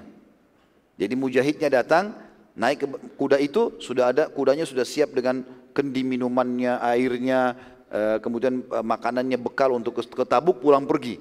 Begitu juga baju perangnya, pedangnya, perisainya, lengkap, topi besinya, lengkap semua. Mujahid tinggal berperang saja. 100 ekor. Ini besar sekali biayanya. Ya. Maka Nabi SAW pun menerima itu. Dan mengatakan, bagus yang kamu lakukan hai Uthman. Rupanya Nabi SAW masih bilang, siapa lagi yang mau membiayai pasukan Usra, maka dia akan masuk surga. Uthman tadi pikir 100 kuda sudah cukup. Nabi SAW bilang, lalu dia mengatakannya Rasulullah, kalau gitu saya sumbang lagi 100 kuda, lengkap dengan semua perbekalannya untuk 100 mujahid. Kata Nabi SAW, bagus yang kau kerjakan, hai Uthman. Siapa lagi yang mau menyumbang? Masih dimotivasi. Uthman bin lagi yang ketiga kali, ya Rasulullah 100 lagi. 300 ekor. Nabi bilang, bagus. Siapa lagi? Terus, sampai 10 kali. Waktu Nabi SAW ulangi yang ke-10, Uthman bilang, ya Rasulullah, kuda saya jumlahnya 990 ekor. Saya akan genapkan seribu dengan 10 ekor unta. Maka saya menyumbang ya Rasulullah yang terakhir itu 90 ekor kuda berikut 10 ekor unta. Maka Nabi SAW mengatakan bagus yang kau kerjakan. Lalu pada saat itu Nabi SAW pun mendoakan Uthman. Ya. Dan Nabi SAW mengatakan dengan doa yang masyhur, sungguh ya Allah luaskan rezekinya Uthman, ya uh, angkatlah permasalahan dari hidupnya. Banyak doa-doa Nabi SAW, tapi yang penutupnya kata Nabi SAW, sungguh tidak akan ada lagi yang membahayakan apa pun Uthman setelah apa yang dilakukan pada hari ini. Ya. Pada saat itu Nabi SAW juga sempat menyampaikan dalam riwayat yang lain, ada satu sumur di Madinah dibutuhkan untuk minum. Kaum muslimin butuh untuk minum supaya mujahidin bisa isi. Di rumah mereka nggak cukup, gitu kan. Sumur di Madinah waktu itu cuma ada beberapa. Punya Yahudi. Yahudi ini rupanya dia tahu muslimin butuh karena dia tidak mau muslimin pergi berperang, maka dia jual mahal. Maka Nabi SAW mengatakan, siapa yang membeli sumur, ya, sumur rumat namanya, pemana. Siapa yang membeli, maka dia akan dapat surga. Uthman pergi ke sana negosiasi langsung. Ya. Berapa? 20 ribu dinar. Enggak ada sumur semahal itu. Kurang lebih rupiah sekarang 6 miliar. Ya. Ini zaman dulu. Sumur sekarang paling mahal 100 juta sudah mewah gitu. Ya. Ini 20 ribu dinar emas. Jadi 6, 6 miliar sumur apa ini gitu. Tapi Yahudi ini begitu, dia maunya gitu. Utsman bin Affan beli. Tidak pakai nawar, langsung dibeli sama dia. Baiklah dibeli. Habis itu setelah dibeli dikasih wakafin untuk muslimin. Kemudian setelah itu ya Nabi SAW juga memuji Uthman. Lalu mengatakan kalimat yang mirip sama tadi. Tidak ada lagi yang bisa tidak ada lagi yang berbahaya bagi Uthman setelah apa yang dikerjakan hari ini. Maksudnya, kalaupun ada dosanya setelah ini akan dimaafkan. Ya, Allah SWT akan maafkan. Nabi SAW waktu itu mengamanahkan kota Madinah dipimpin oleh Ali bin Abi Thalib radhiyallahu anhu. Ali bin Abi Thalib orang yang kuat, perkasa, tapi Nabi SAW suruh jaga Madinah. Tentunya Nabi SAW pilih dan selalu Nabi SAW kalau keluar begini pasti memilih orang-orang yang pantas gitu. Subhanallah orang munafik kembali lagi berla, ber, ber, anu nih, ya. Mereka buat masalah lagi nih. Rupanya waktu Nabi SAW sudah keluar, mereka sebarin isu di Madinah. Isu jadi tidak jelas siapa yang ngomong, tapi tersebar isu. Kalau Rasulullah SAW sengaja tidak membawa Ali karena Ali lemah. Ali penakut, lemah, jadi sengaja nggak dibawa sama Nabi. Buktinya semua laki-laki diwajibin, kenapa dia tidak? Gitu kan. Ali bin Abi Thalib begitu dengar jengkel, tapi Ali nggak tahu siapa yang bilang. Langsung dia pakai baju perangnya, naik kuda, susul pasukan. Gitu kan. Waktu pas bergabung dengan pasukan, Nabi SAW punya tradisi setiap beberapa langkah, beberapa jauh gitu, tidak disebutin berapa milnya ya, pasti Nabi SAW istirahat dulu. Berikan kesempatan pasukan istirahat. Ya. Kemudian baru jalan lagi. Di sini Ali bin Abi Thalib bergabung di tempat istirahat pertama Nabi SAW. Nabi lihat dia. Nabi SAW tanya, Hai Ali, apa yang membuatmu meninggalkan Madinah? Dia bilang, ya Rasulullah, telah tersebar berita, wahai utusan Allah, kalau aku, anda tidak membawa aku karena aku ini lemah dan penakut, tidak layak ikut perang. Kata Nabi SAW, tidak demi Allah. Apakah engkau merasa menjaga keluargaku, istri-istri Nabi ada di Madinah, dan menjaga keluargamu Bukan hal yang penting? Apa engkau tidak ingin hai Ali terposisikan seperti Harun dari Musa? Tetapi ketahuilah tidak ada nabi setelahku. Nah ini sering kali hadis ini juga disalahgunakan yang diambil potongan saja. Kan? Bahwasanya kalau ada nabi setelah Nabi Muhammad SAW adalah Ali bin Abi Thalib. Padahal maksud hadis ini adalah waktu Nabi Musa AS menerima wahyu 40 hari di Bukit Tursina yang diamanahkan siapa? Harun alaihissalam untuk menjaga. Sekarang kasusnya kan Ali bin Abi Thalib disuruh jaga Madinah. Maka Nabi menarik itu mengatakan, bukankah kau, tidakkah kau mau seperti kasusnya dulu Harun waktu dipercayakan oleh Musa menjaga pada saat dia pergi? Begitulah. Gitu kan. Tapi bukan Nabi loh, karena tidak Nabi setelahku. Ini kata Nabi Alaihissalam. Akhirnya Ali pun kembali ke Madinah dan tidak lagi mempedulikan perkataan kaum munafikin. Kurang lebih dihitung oleh ahli sejarah khilaf di antara mereka berapa jumlah sahabat yang tidak sempat ikut karena punya uzur dan berapa yang ya punya uzur. Jadi saking detailnya pada saat itu mereka sampai menghitung. Yang saya temukan nama-nama mereka ada tiga orang yang tidak punya uzur dan ini turun ayat Al-Quran. Jaga surah At-Taubah juga menjelaskan masalah itu. Ya. Kurang lebih kalau tidak salah At-Taubah ayat 118 nanti menceritakan tentang tiga orang ini. Tiga orang ini adalah Ka'ab bin Malik, kemudian Hilal bin Umayyah, dan Murara bin Rabi. Ada tiga orang. Ka'ab bin Malik, ini yang pertama. Ini yang paling masyhur kisahnya nanti akan kita jelaskan kisahnya dia radhiyallahu anhu ya. Ka'ab bin Malik, kemudian Hilal ibn Umayyah, kemudian yang ketiga Murarah bin Rabi. Ya. Ini tiga orang ini semuanya ahli Badr. Dan tiga orang ini khusus mereka tidak ikut, tidak punya udur. Enggak ada udur. Nanti kita jelaskan bagaimana kisah mereka. Ya. Jadi hanya sekedar was-was syaitan yang membuat menunda. Mereka bahasanya tiga orang ini nanti aja kan pasukan lambat. Nanti sebentar lagi saya ikut, sebentar lagi saya ikut. Sampai akhirnya pasukan sudah hilang, mereka nggak jadi ikut. Gitu kan. Nanti ada kisah sendiri. Kemudian ada sahabat yang punya uzur. Ya. Kemudian eh, ma sahabat juga maaf, yang ini sahabatnya yang tidak punya uzur tapi dia akhirnya segera engah, sadar, lalu dia susun pasukan. Itu namanya Abu Haythama radhiyallahu anhu. Abu Haythama ini juga tidak punya udur, hampir dia tidak ikut berperang. Nanti kita jelaskan apa sebabnya dalam kisah Abu Haythama radhiyallahu anhu. Jadi dia akhirnya berhasil selamat ya, dan tidak kena ancaman dan hukuman dari Allah SWT justru karena dia menyusul pasukan walaupun pasukan sudah jauh. Kemudian ada sahabat yang tidak punya udur, maaf yang punya udur, lalu dimaafkan oleh Nabi SAW itu adalah Abu Lubabah. Ya, Abu Lubabah radhiyallahu anhu. Dan ada beberapa sahabat Nabi yang jelas jumlah mereka 11. Jumlah mereka 11. Yang saya temukan nama-namanya ini. Tiga orang tadi yang tidak ada udur nanti akan turun ayat dan ada hukuman bagi mereka. Diboikot oleh Nabi SAW 50 hari. Tadi Ka'ab bin Malik, Hilal bin Umayyah dan juga Murarah bin Rabi'.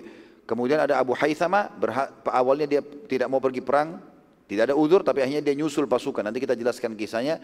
Dan ada Abu, Abu Lubaba. Jadi kurang lebih di sini cuma lima yang saya dapatkan namanya, tapi jumlah mereka umumnya dikatakan sebelas orang. Kita mulai dengan kisah Abu Haythama. Abu Haythama radhiyallahu anhu memiliki dua orang istri. Ya. Dia menunda datang dengan harapan akan bisa menyusul. Pada saat itu kebetulan pas pasukan lagi jalan, sudah mulai ada pohon kurma yang panen. Abu Haythama radhiyallahu termasuk punya kebun. Dan kebun dia ada ada di posisi kebun yang sangat luas, rumah dia berada di kebun itu dengan kedua istrinya. Nah biasanya di musim panen kurma ini, maka kurma-kurma tersebut diturun, diturunkan oleh pegawainya, lalu ditaruhlah di depan rumah masing-masing istri ini dibuat tenda, itu khusus untuk menikmati kurma tadi. Jadi Abu Haythama duduk dengan istrinya. Begitu juga umumnya sahabat pada saat itu. Mereka menikmati pada saat kurma baru turun lalu dinikmati di situ. Dibuatkan tenda khusus. Abu Haythama ini memiliki dua orang istri yang sangat akur dan dua-duanya di depan rumahnya taruh tenda itu untuk dia. Dihidangkanlah kurma-kurma yang terbaik. Dan dalam riwayat ini dikatakan keduanya bahkan dandan buat Abu Haythama. Itu kan. Ya, ini yang bujang-bujang miskin. Ikut dengar saja. Ini orang sudah dua orang istri, dua-duanya akur, dua-duanya nyiapin makanan. Ya. Yang jelas, pada saat melihat kejadian tersebut, Abu Haytham radhiyallahu melihat istrinya dandan, duduk di, bawah tenda, kurmanya banyak gitu kan. Dia tiba-tiba pada saat itu dalam riwayatnya dikatakan terfikirkan. Dia tiba-tiba mengingat ada peringatan dari Allah SWT dalam hatinya, dia pun merasa masa saya menikmati uh, dinginnya udara di bawah tenda, kemudian didampingi dengan istri yang yang dandan, kemudian dengan kurma yang bagus, matang di musim panas ini. Sementara Rasulullah SAW kepanasan. Maka dia bilang kepada kedua istrinya, saya tidak akan demi Allah menikmati satu butir kurma pun di sini. Dan juga menyentuh kalian sampai saya menyusul pasukan Nabi SAW. Jadi dia tinggalkan kurma yang matang, dia tinggalkan istrinya yang siap untuk biologis sama dia, radhiyallahu anhu. Ini karena memikirkan jihad.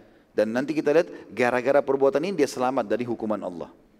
Karena ini jihad wajib, dia kan tidak punya udur. Maka dia pun mengatakan pada kedua istrinya siapkan siapkan perlengkapan perang saya. Lalu dua-duanya mempersiapkan. Setelah selesai Abu Haythama sendirian pergi menyusul pasukan. Subhanallah Nabi SAW orangnya sangat jeli. Setiap kali pasukan istirahat, Nabi pasti kecek satu-satu. Keliling di semua tempat istirahat. Mana si fulan, mana si fulan. Nabi hafal nama-nama mereka. Jumlahnya banyak sekali ini. Ya. Dihafal sama Nabi SAW. Dan perang tabuk ini teman-teman terjadi setelah perang Hunain tadi. Perang Hunain saja jumlah muslimin sudah 12 ribu. Itu pun perang Hunain, ya masih ada tidak ikut di Madinah. Ini semua muslimin ikut, jumlahnya banyak sekali.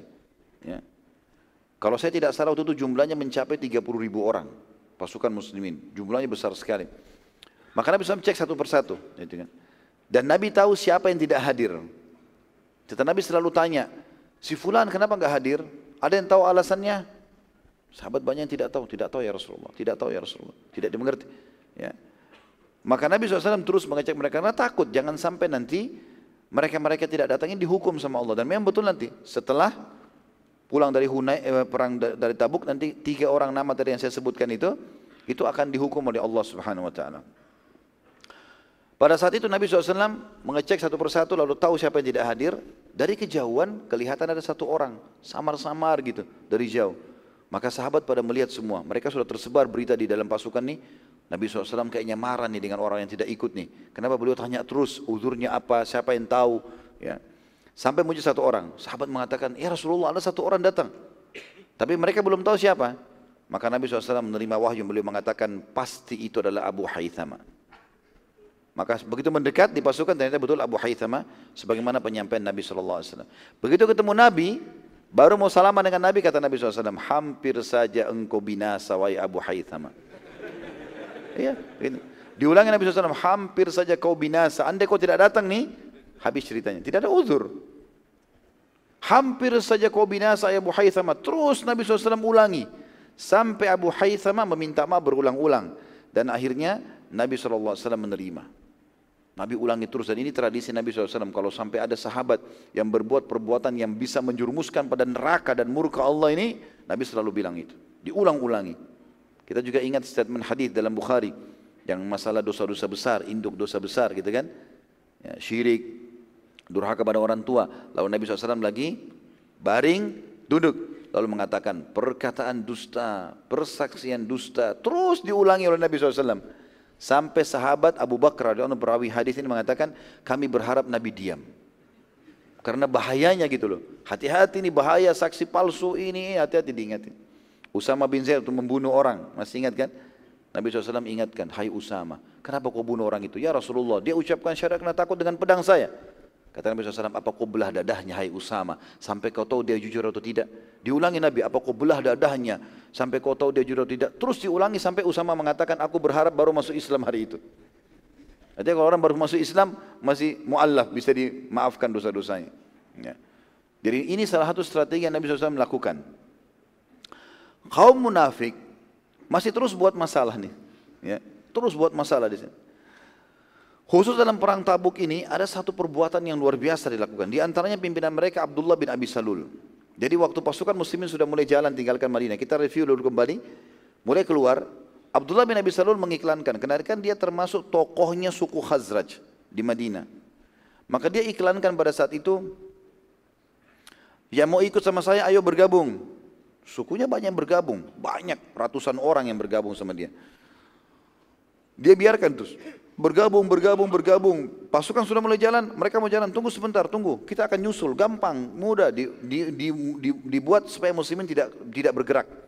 Dan karena orang ada yang percaya sama dia, maka ikut-ikutan, gitu kan? Setelah pasukan tidak kelihatan, apa kata Abdullah ini? Sekarang musim panas. Dan sebentar lagi kita panen kurma. Maka lebih baik kita tunggu panen besok kita nyusul. Artinya minimal ada kurma yang kita bisa ambil dulu, gitu kan.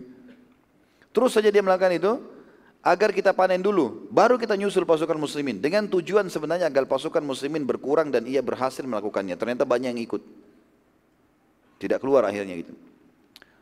Namun ia, ia juga dari satu sisi teman-teman sekalian sudah mengutus dengan pasukan muslimin orang-orang munafik. Tujuannya untuk mengintai perkembangan muslimin, melemahkan pasukan. Nanti kita lihat dalam dalam perjalanan ini banyak perbuatan-perbuatan mereka yang buruk sekali, mengacaukan muslimin. Dan ini pelajaran teman-teman, sejarah tidak akan bohong. Apalagi ini adalah sejarah Nabi wassalam. Ya. Ini keadaan kaum munafikin di setiap waktu dan tempat. Mereka berkedok seakan-akan muslim yang dengan demikian mereka leluasa memerangi dan mengganggu kaum muslimin. Kita bedain teman-teman munafik yang tulen dengan orang yang ada ciri kemunafikan padanya. Beda ya. Beda itu.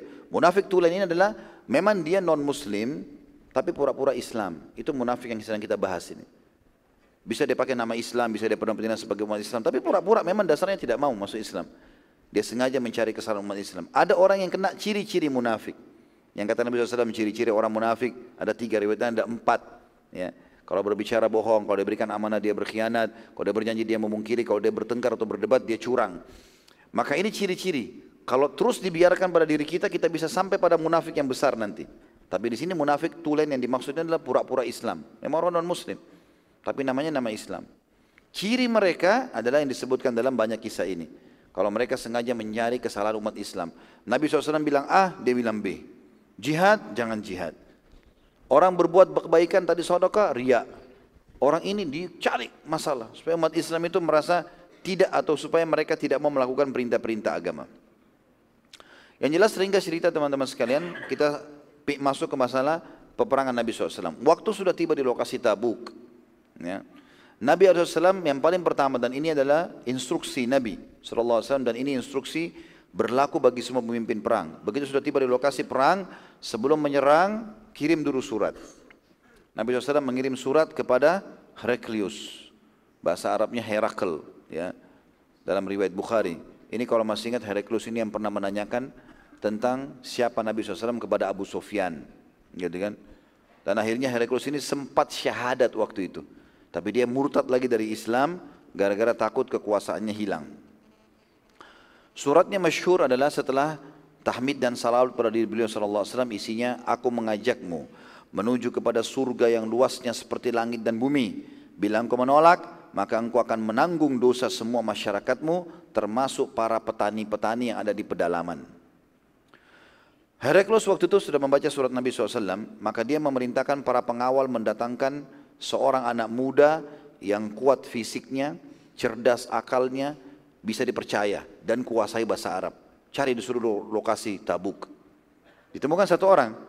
Saya tidak tahu orang ini dalam bahasa Inggris namanya siapa, tapi ada dalam buku-buku sejarah itu. Bahkan suratnya Heraklius ini ada disimpan di museum-museum mereka, gitu kan. Yang jelas Heraklius waktu itu sempat menemukan kalau dalam bahasa Arab namanya anak muda ini Tanuhi. Tanuh ya. Tanuh ini teman-teman sekalian Disatakan oleh waktu sudah dites ternyata bahasa Arabnya bagus, memang anaknya cerdas dan loyal terhadap agama Kristen, tidak mudah murtad. Kemudian dia Heraklius berkata kepadanya, "Aku akan mengutusmu kepada seseorang yang bernama Muhammad yang mengaku sebagai seorang nabi. Maka pastikan tiga hal darinya saat kau ketemu. Kalau ada padanya tiga hal ini, berarti dia nabi betul. Ya. Pastikan dulu itu. Yang pertama, pastikan kalau kau ketemu pertama kali pertanyaan dia, apakah suratku sudah tiba pada rajamu? Kalau dia tanya itu, betul sudah tanda kenabian. Karena Heraklius ini kebetulan salah satu pendeta Nasrani. Nanti juga akan kita lihat lagi statementnya pada saat dia uh, bertemu kembali dengan Tanuhi ini pada saat balik dari kemah muslimin. Yang kedua, pastikan, saya akan bertanya dalam surat ini tentang surga. Pastikan jawabannya. Yang ketiga, pastikan tanda kenabian ada di punggung sebelah kanannya. Lihat punggungnya sebelah kanan itu. Ada tanda kenabian tidak? Disebutkan cirinya. Gumpalan seperti daging berwarna merah ada bulu kehitam-hitaman. Maka Tanuhi pun menjalankan datang pasukan muslimin sebagai utusan. Dan Nabi SAW langsung bertemu dengannya, disuruh bertemukan. Dan begitu ketemu, pertanyaan pertama Nabi adalah, apakah suratku sudah tiba ke rajamu? Berarti tanda pertama sudah terjawab di sini. Dan pada saat itu Tanuh mengatakan iya, sudah tiba. Lalu dia pun menyerahkan surat balasan Heraklius ini atau Herakl ke tangan Nabi SAW atau kepada sahabat. Dan sahabat pun membacakan kepada Nabi SAW. Isi surat itu adalah, Engkau telah mengajakku menuju ke surga yang luasnya seluas langit dan bumi. Ini langit dan bumi, maka di mana surga? Ini langit dan bumi, mana surganya? Maka Nabi SAW menjawab mengatakan Maha suci Allah. Kalau begitu mana malam di saat siang datang? Ini jawaban yang sangat cerdas gitu kan. Dan ini wahyu tentunya penyampaian. Luas langit dan bumi iya. Sekarang langit ini kayak siang begini terang. Baik mana malam hari sekarang? Padahal dia juga makhluknya Allah. Begitu juga dengan pada saat malam datang mana siangnya? Maka ini jawaban Rupanya Heraklius sudah menyampaikan kepada Tanuhi jawabannya seperti ini. Kalau dia jawab seperti itu, ya bahwasanya mana malam dari siang ya, atau mana malam kalau siang datang maka itu adalah jawaban kenabian sekarang tinggal tanda yang ketiga melihat tanda di badan Nabi SAW. Tapi Tanuhi tidak mau bilang, saya mau lihat tanda kenabianmu. Enggak. Maka dia coba menjaga. Dia lalu meminta kepada Nabi SAW untuk tinggal di perkemahan muslimin beberapa hari.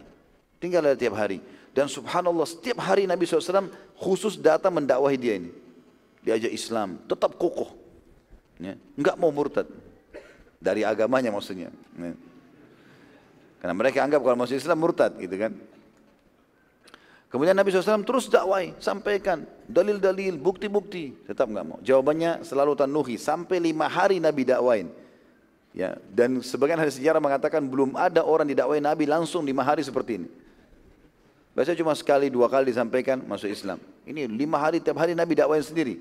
Selalu jawabannya, sesungguhnya aku hanya bagian dari kaumku. Bila mereka masuk Islam, aku juga masuk Islam. Setelah melihat Tanuhi menghabiskan beberapa hari di tengah pasukan muslimin, Nabi SAW sudah tahu ini ada sesuatu yang dia tunggu. Maka Nabi SAW panggil dia ke dalam kemah. Begitu datang dalam kemah Nabi SAW, Nabi bukain bajunya. Apakah ini yang kau tunggu? Dilihatkan tanda kenabiannya. Kata Tanuhi, iya. Maka setelah itu dia pun pulang. Waktu dia pulang, dia laporin kepada Hercules semuanya. Hercules sudah tahu ini. Kalau ini adalah Nabi. Nabi SAW waktu lihat Tanuhi pergi, boleh membaca surah Al-Qasas. Ayat 20, surah nomor 28 ayat 56. Ya.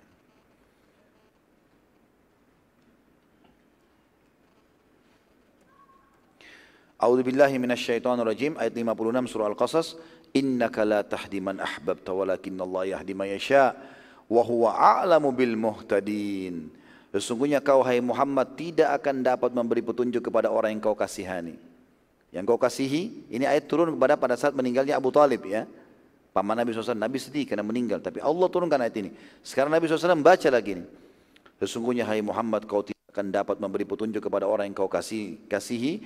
Tapi Allah memberi petunjuk kepada orang yang dikehendakinya. Dan Allah lebih mengetahui orang-orang yang mau menerima petunjuk. Perhatikan kalimat di sini. Allah lebih mengetahui orang-orang yang mau menerima petunjuk. Artinya, kalau ada azan terdengar dan kita respon pergi ke masjid, Allah tahu kita mau memang, Allah mudahin kita melangkah ke masjid. Kalau ada dasarnya orang mau dengar azan tidak dengar, tidak mau sholat, maka Allah juga sudah tahu. Dan ini makna juga daripada firman Allah, Yahdi man yasha wa yudillu man yasha. Allah memberikan petunjuk siapa yang dia inginkan karena Allah tahu kebaikan dalam hatinya atau Allah sesatkan. Maksudnya memang dasarnya Allah tahu dia sesat orang ini. Memang nggak mau berbuat baik. Gitu kan. Seperti itulah. Setelah seluruh informasi sampai kepada Hercules ini, dan dia sangat yakin dengan informasi tadi, dia sudah tahu ini pasukan muslimin di depan bentengnya mereka. Maka dia tanya orang-orang Romawi pada saat itu, pasukan perangnya, tangan-tangan kalian dikumpulin semua. Lalu dia mengatakan, apakah kalian telah siap berperang? Tanya, mereka jawab, iya. Bukankah kita penguasa terbesar di bumi sekarang? Yang waktu itu pasukan Romawi terkuat. Ya. Apalagi setelah kejadian mereka mengalahkan Persia dalam surah Ar-Rum diceritakan. Ini kejadian setelah itu. Dan mereka betul-betul jadi penguasa Persia sudah jadi nomor dua. Dulunya Persia sama ini mereka bersaing. Heraklius selalu mengumpulkan lagi atau mengatakan kepada mereka lagi, kalian sangat mengetahui pengetahuanku tentang Injil dan keteguhanku terhadap agama Nasrani. Apakah kalian yakin itu?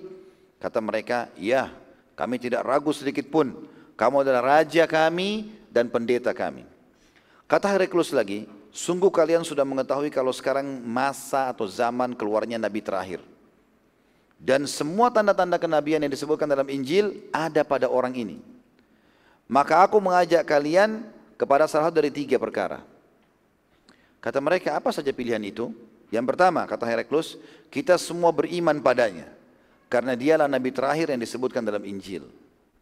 Jadi sebenarnya dia sudah mendakwai kaumnya. Tapi subhanallah cinta dunia mengalahkan itu. Nanti kita lihat dalam closing pertemuan ini. Atau uh, statement ini. Dan ini juga terjadi pada saat dia menerima surat Nabi Shallallahu Alaihi Wasallam ya untuk mengajak masuk Islam dan dia syahadat. Tapi karena banyak pendeta yang menolak pada saat itu, maka dia pun murtad dari agama Islam. Kemudian kaumnya mengatakan, kami tidak akan pernah meninggalkan agama Isa apa pun alasannya. Heraklius sudah lihat, ternyata mereka tidak respon nih.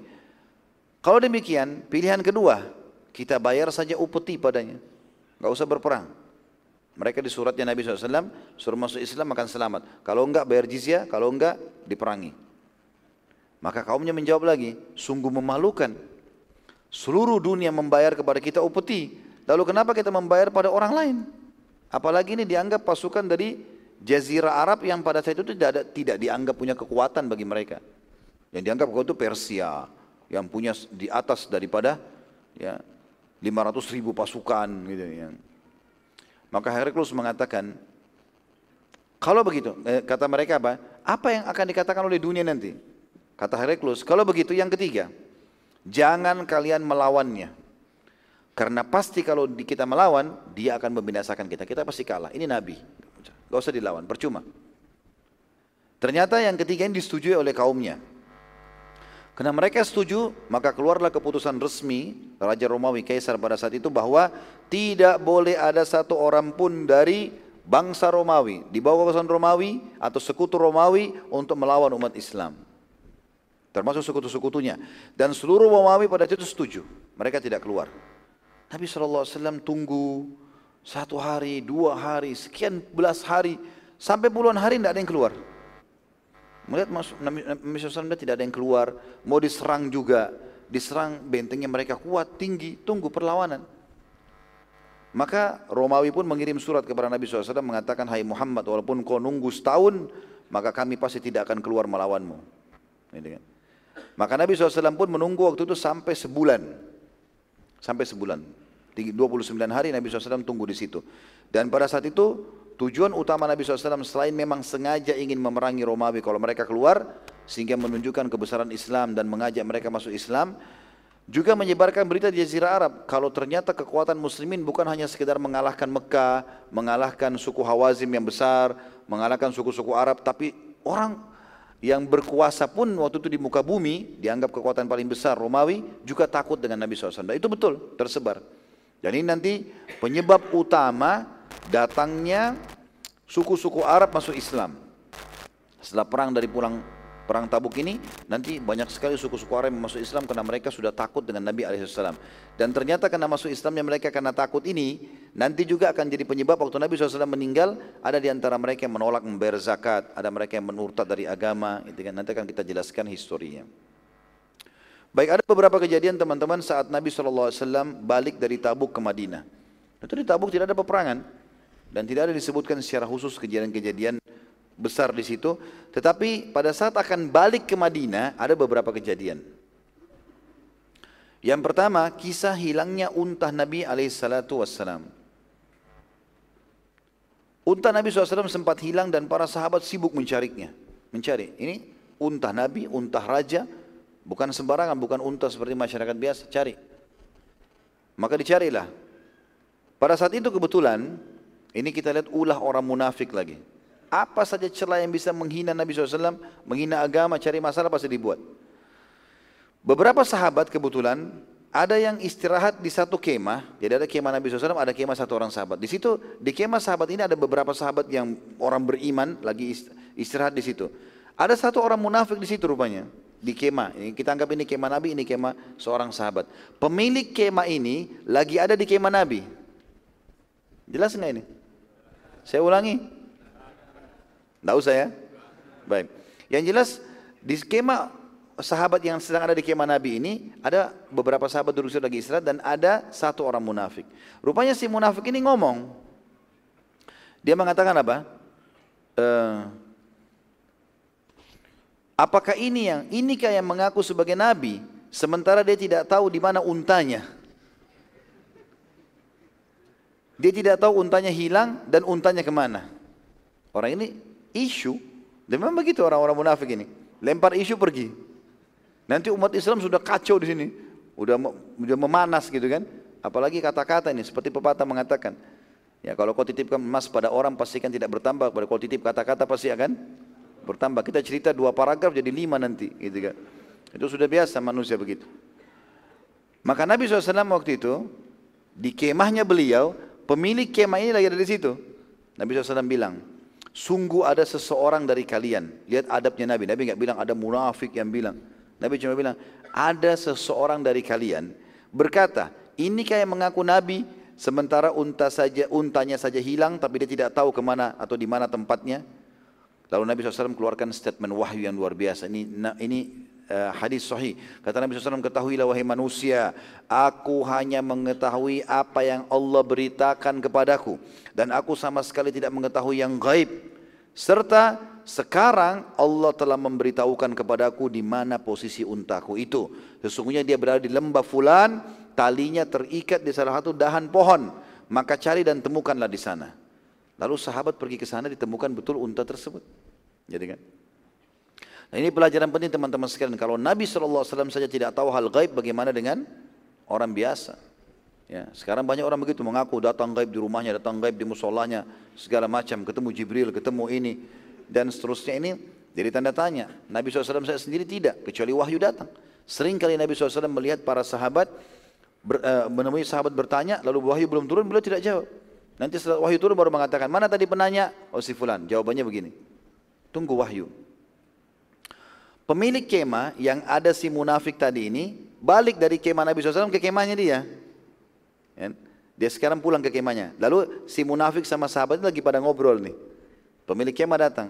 Lalu dia bilang, tadi saya waktu lagi di kemah Nabi SAW, beliau bersabda sesuatu yang masih membuat saya butuh jawabannya gitu. Kata Nabi SAW, bahwa ada seseorang dari kalian, maksudnya dari kita dari muslimin yang berkata ini kayak mengaku nabi sementara untanya saja hilang dia tidak tahu di mana tempatnya. Dan Nabi SAW bersabda, ketahuilah wahai manusia, sungguh aku tidak mengetahui ap, uh, kecuali apa yang telah Allah beritakan kepadaku. Dan aku sama sekali tidak mengetahui hal-hal yang gaib. Sekarang Allah telah memberitahukan kepada aku melalui wahyu tempat unta tersebut. Di lembah fulan dan tali kekangannya terikat di salah satu dahan pohon. Maka disuruhlah para sahabat untuk mencari, maka setelah dicari pun ya para sahabat menemukannya. Setelah itu ya ada seorang sahabat di situ bilang, "Apakah engkau tahu siapa yang Nabi maksudkan?" Kata dia, "Tidak." Kata mereka satu kemah bicara, "Ini orangnya." ini orang yang tadi ngomong ini. Dan mereka juga kaget bagaimana bisa Nabi sampaikan di kemah sebelah gitu, ya. Maka pemilik uh, kemah tersebut berdiri lalu menggebuki si munafik tadi. Ya, dipukul. Itu kisah tentang unta Nabi alaihissalam. Yang kedua kisah washal ya. Washal ini uh, air terjun kecil. Mata air tapi di atas di tengah-tengah batu biasanya tuh keluar. Jadi dia jatuh. Jadi dianggap kayak mata air kecil tapi dia karena di atas dinamakan dengan washal. Nabi SAW waktu itu menyampaikan kepada seluruh pasukan, lagi menuju ke Madinah nih, sudah mulai bergerak pasukan pulang. bahwa mereka nanti akan melewati wasyal ini, air terjun ini. Maka siapa pun yang tiba di lokasi tersebut duluan, jangan meminum sedikit pun dan jangan sentuh air itu. Karena kan jalanan padang pasir tuh. Dari perjalanan kota dari wilayah Tabuk ke Madinah itu padang pasir sampai sekarang pun masih padang pasir kecuali yang sudah ada bangunan-bangunan rumah kota-kota. Dari zaman dulu tuh masih gunung-gunung batu gitu ya. Maka Nabi SAW jadi pesan, jangan kalau ada yang tiba duluan, jangan sentuh mata air itu. Tunggu saya. Satu, satu pasukan sudah tahu nih instruksinya. Orang munafik lagi buat masalah. Hmm? Ulang lagi. Rupanya mereka dengar hadis itu, penyampaian Nabi itu. Mereka sengaja memicu kudanya lebih dulu sampai ke sana. Dan begitu dapat air, diminum. Buat masalah. Gitu kan? Diminum sama dia. Dan perhatikan teman-teman, gara-gara pelanggaran ini lihat efeknya. Maka diminumlah oleh mereka, pesta-pesta, ketawa-ketawa di sana. Memang tujuannya mau mengacaukan nih. Begitu Nabi SAW tiba, lihat sudah ada orang yang tiba. Dan sudah minum air di situ. Dan mereka bukan minum terus sembunyi, enggak. Minum sengaja memperlihatkan kalau mereka minum. Tujuannya juga untuk mengajak pasukan untuk melanggar sunnah Nabi SAW ini. Maka Nabi SAW waktu tiba di situ beliau marah. Lalu beliau mengatakan semoga Allah melaknat mereka orang-orang itu. Bukankah sudah aku larang jangan mengambil sedikit pun dari air tersebut? Maka para sahabat semua terdiam. Ya, dan orang yang minum air ini pada lari. Yang tadi. Pergi. Maka Nabi SAW bilang, ambilkan saya seember air. Diambilkanlah seember air Nabi SAW lalu beliau berudu. Setelah wudu, air wudu beliau dilempar, disiram ke mata air itu. Ya. Ini air wudu Nabi alaihissalam. Saya ingatkan dari sekarang. Hmm. Maka setelah itu kata para sahabat kami tiba-tiba mendengar seperti suara guntur yang keras dari dalam sumber air itu. Dan ternyata ada sebuah batu batu yang pecah. Dan muncullah sebuah mata air yang mengalir dengan deras. Lalu Nabi SAW bersabda semoga Allah melaknat mereka. Diulangi lagi Sungguh bila mereka tidak menyentuhnya tadi, maka akan menjadi lautan yang mengalir dengan deras di jazirah Arab. Demi Allah, bila kalian masih hidup, maka kalian akan melihat seluruh wilayah ini menjadi lautan yang bermanfaat. Dan subhanallah, hari ini, sebagian ahli sejarah mengatakan, seluruh wilayah Tabuk, ya, seluruh wilayah Tabuk sekarang wilayah sangat luas. Seluruh wilayah Tabuk ini perkebunan-perkebunan mereka dan masyarakatnya hidup lucu dari mata air itu yang Nabi SAW tadi temukan yang, di, yang disilakan dengan washal tadi. Ada kisah yang lain teman-teman yang ketiga kejadian pada saat lagi pulang adalah kisah Abu Rahal Al-Ghifari. Tentu ini kisah-kisah ya yang terjadi, kejadian-kejadian kecil dan mungkin perlu diangkat supaya kita tahu. Jadi bukan hanya sekedar oh perang tabuk begini selesai gitu. Abu Rahal ini seorang sahabat Nabi yang mulia. Dia lagi naik unta jalan karena ngantuk ya karena ngantuk dia dekat Nabi SAW ya kemudian tiba-tiba untahnya mendekati Nabi SAW gitu. Kan. dan hanya cerempet gitu dan tanpa dia sadari karena orang di atas unta kakinya ke samping perut unta maka karena dempet untanya ke unta Nabi SAW maka kakinya menginjak kaki Nabi SAW nah, dan itu cukup keras terinjak gitu. maka kata Abu Rahal Demi Allah aku sama sekali tidak sadar dan tidak bermaksud untuk itu sampai aku mendengarkan suara iz ya. Jadi orang biasa mengingatkan gitu. Lalu aku sadar ternyata untaku telah menyakiti Nabi SAW. Lalu Nabi SAW menyentuh Abu Rahal ini dengan tongkat beliau sambil membangunkannya. Kata Abu Rahal, aku setelah melihat kejadian tersebut merasa ketakutan nih. Jangan sampai jangan sampai ini ada masalah. Ya. Maka Abu Rahal mengatakan, aku pun pergi ke belakang pasukan. Aku pindah ke belakang pasukan agar tidak mengganggu Nabi SAW. Dan saat pasukan istirahat, aku pergi jauh membawa kambing-kambing dan untaku. Dan ini salah satu sahabat yang bawa kambing untuk memberikan makan mujahidin, gitu kan? Aku membawa kambing-kambingku jauh mengembala di padang pasir dengan untaku.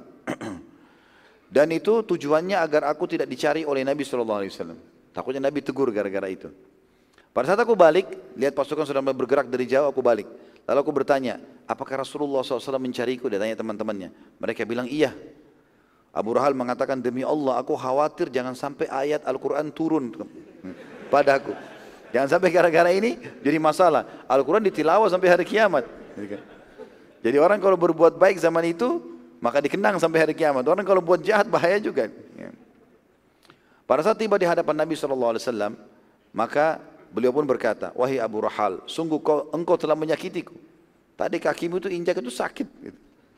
Abu Rahal mengatakan, demi Allah aku tidak menyadari wahai Rasulullah. Dan aku minta maaf. Maka Nabi SAW pun mengatakan, baiklah aku maafin. Tapi tadi aku waktu membangunkanmu, aku sempat menyentuhmu dengan tongkatku. Dibangunkan dengan tongkat, karena jaraknya cukup jauh, dibangunkan dengan tongkat. Maka ambillah tongkat ini dan lakukan hal yang sama pada tubuhku sebagai balasan. Kisos, Nabi SAW dengan adilnya. Betul Abu Rahal menyakiti kaki beliau, tapi begitu Abu Rahal minta maaf dimaafin, berarti sudah selesai. Tapi tadi Nabi SAW sentuhin dengan tongkat, nah itu juga masalah. Ini kisah saya sekarang. Maka Abu Rahal radhiyallahu anhu dengan gembira mengatakan, tidak ya Rasulullah, itu hak anda dan aku tidak akan membalas dan sudah memaafkannya. Maka Nabi SAW sempat bertanya kepada Abu Rahal, di mana orang-orang yang berpostur tinggi dari sukumu. Ada orang-orang dari sukumu tinggi-tinggi kelihatan di pasukan, kekar-kekar badannya. Mana mereka?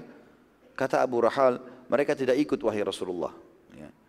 Dan ini, ini kebetulan Abu Rahal bukan dari penduduk Madinah, dia dari luar Madinah, tapi waktu dengar ada perang tabuk, mereka ikut bergabung. Nabi SAW bertanya lagi, lalu mana yang berposter pendek dan berkulit sawo matang? Dan nanti ahli sejarah punya punya poin penting di sini ya, bagaimana jelinya Nabi SAW. Sampai tahu, Abu Rahal menjawab, kami tidak punya satupun dari suku kami orang yang berkulit gelap dan juga berposter pendek ya Rasulullah. Kata Nabi SAW, ada, aku sempat melihat mereka. Maka Abu Rahal pun waktu, waktu perang Hunain mereka hadir. Kenapa sekarang nggak ada nih? Kata Abu Rahal setelah memikirkan, oh itu mungkin sekutu kami dari suku Aslam. Mereka tidak ikut setelah Hunain wahai utusan Allah. Maka Nabi SAW mengatakan, sungguh yang paling berat bagi aku adalah bila muhajirin dan ansar, juga gifar dan aslam tidak ikut. Kalau selain suku ini tidak ikut mungkin masih mudah. Tapi kalau ini, empat ini tidak boleh. Harusnya ikut. Dan ini menandakan kedudukan empat uh, kelompok sahabat ini. Muhajirin dari Mekah, Ansar penduduk asli Madinah, Gifar dan Aslam ini suku dari luar Madinah. Tapi mereka pendukung Nabi SAW. Kisah selanjutnya adalah kisah meninggalnya sahabat mulia namanya Abdullah Zil Bujadain. Ya. Abdullah Zil Bujadain. Bujadain artinya kain kasar yang pendek. Jadi bajunya kasar dan agak pendek kainnya. Abdullah bin Mas'ud radhiyallahu anhu menceritakan saat pasukan lagi istirahat di malam hari tiba-tiba aku mendengar suara galian tanah dan orang nyangkul tanah. Aku pada saat itu tiba-tiba terbangun dan ingin melihat siapa yang sedang menggali tanah malam-malam. Maka aku pun ternyata pada saat aku keluar aku ternyata melihat di situ ada Nabi SAW bersama Abu Bakar dan Umar bertiga saja. Dan mereka sedang menguburkan sahabat mulia namanya Abdullah yang berjulukan dengan Zil Bujadain atau pemilik pakaian kasar ya, kain pendek yang kasar. Nabi SAW pada saat itu berada di dekat lahat atau di dalam lahat, turun langsung ke dalam. Ya. Dan Abu Bakar serta Umar yang menurunkan jenazahnya. Dan ini bisa dikatakan tidak terjadi oleh sahabat Nabi yang lain. Biasanya Nabi SAW hadir, para sahabat yang memikul, para sahabat yang menurunkan, lalu Nabi SAW mendoakan. Gitu kan. Tapi ini tidak, Nabi SAW sendiri yang turun ke dalam liang lahat, memegang jenazahnya. Abu Bakar sama Umar yang menyetor dari atas gitu. Maka Nabi SAW pada saat itu, uh, uh, Abdullah bin Mas'ud mengatakan, aku mendengarkan, ya, Nabi SAW mengatakan, Ya Allah, setelah meletakkan jenazahnya Abdullah, sungguh aku telah meridohinya, maka ridohilah ia. Kata Abdullah bin Mas'ud pada saat itu waktu mendengar doa Nabi SAW, aku berharap akulah si jenazah itu. Bagaimana Nabi SAW mendoakan. Kemuliaan apalagi kata ahli sejarah, Bagaimana Nabi SAW sendiri yang mengurus jenazah seseorang serta didampingi oleh Abu Bakar dan Umar radhiyallahu anhu Apalagi sampai memasukkannya ke liang lahat dengan tangan mulia Nabi SAW. Abdullah Dhil Bujadain ini adalah seorang sahabat yang pada saat hijrah dari Mekah ke Madinah, ia sama sekali tidak memiliki apa-apa. Dia dari kaum muhajirin. Kecuali sehelai kain kasar yang juga hanya bisa menutupi sampai lututnya saja. Dan karena itu diberikan julukan dengan Zul atau zil bujadain atau pemilik kain yang kasar. Ya. Selanjutnya adalah kisah Aqabah.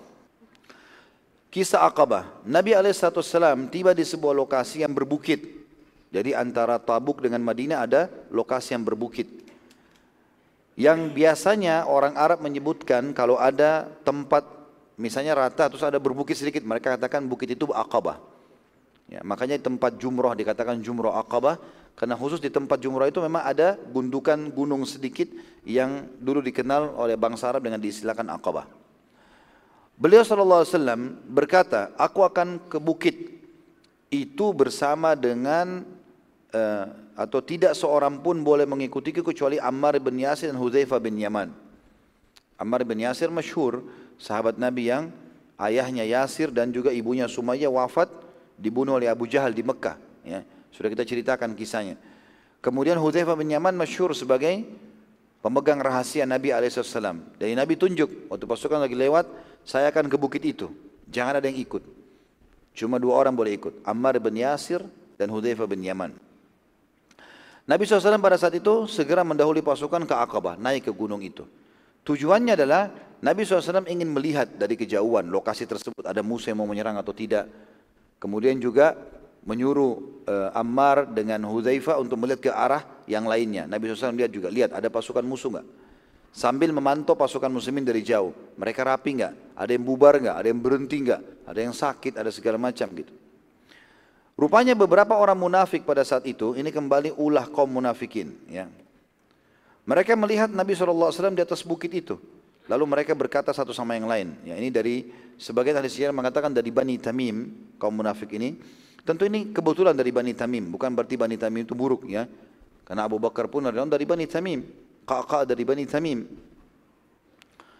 Mereka berkata satu sama yang lain dan tidak disebutkan. Saya saya pribadi bukan tidak disebutkan. Saya pribadi belum menemukan nama-nama kaum munafik ini.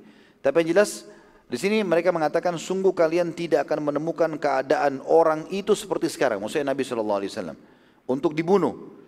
Tidak ada yang mendampinginya kecuali cuma dua orang saja. Maka mari kita beramai-ramai menyerangnya dan menjatuhkannya dari bukit. Maka sepakat waktu itu kurang lebih 14 orang dari Bani Tamim, dari kaum munafikin, mereka menggunakan cadar dan mereka naik ke atas gunung. Saat mereka mendekati dan mulai mendaki, Hudzaifah radhiyallahu anhu berkata, tiba-tiba aku melihat marah wajah Nabi Wasallam, ya, dan beliau dan itu sangat jarang terjadi. Aku lalu mengeluarkan pedangku dan mengusir mereka karena mengira bahwa mereka hanyalah orang-orang yang mau ikut-ikutan naik ke bukit. Dan saat melihatku mereka semua berlarian, ketakutan. Pada saat aku balik ke Nabi SAW, jadi uh, Hudhaifah anu melihat mereka naik, maka Hudhaifah pun turun dari bukit, coba mengejar mereka. Rupanya Allah sudah tanamkan rasa takut, bubar semua 14 orang itu. Saat itu kembali bertemu dengan Nabi SAW, maka beliau bersabda, wahai Hudzaifah, apakah engkau tahu siapa mereka? Hudzaifah mengatakan, tidak wahai utusan Allah, karena semuanya bercadar. Maka Nabi SAW mengatakan, menyebutkan satu persatu nama mereka. Dan beliau SAW berkata, sungguh mereka bermaksud untuk membunuhku. Ya.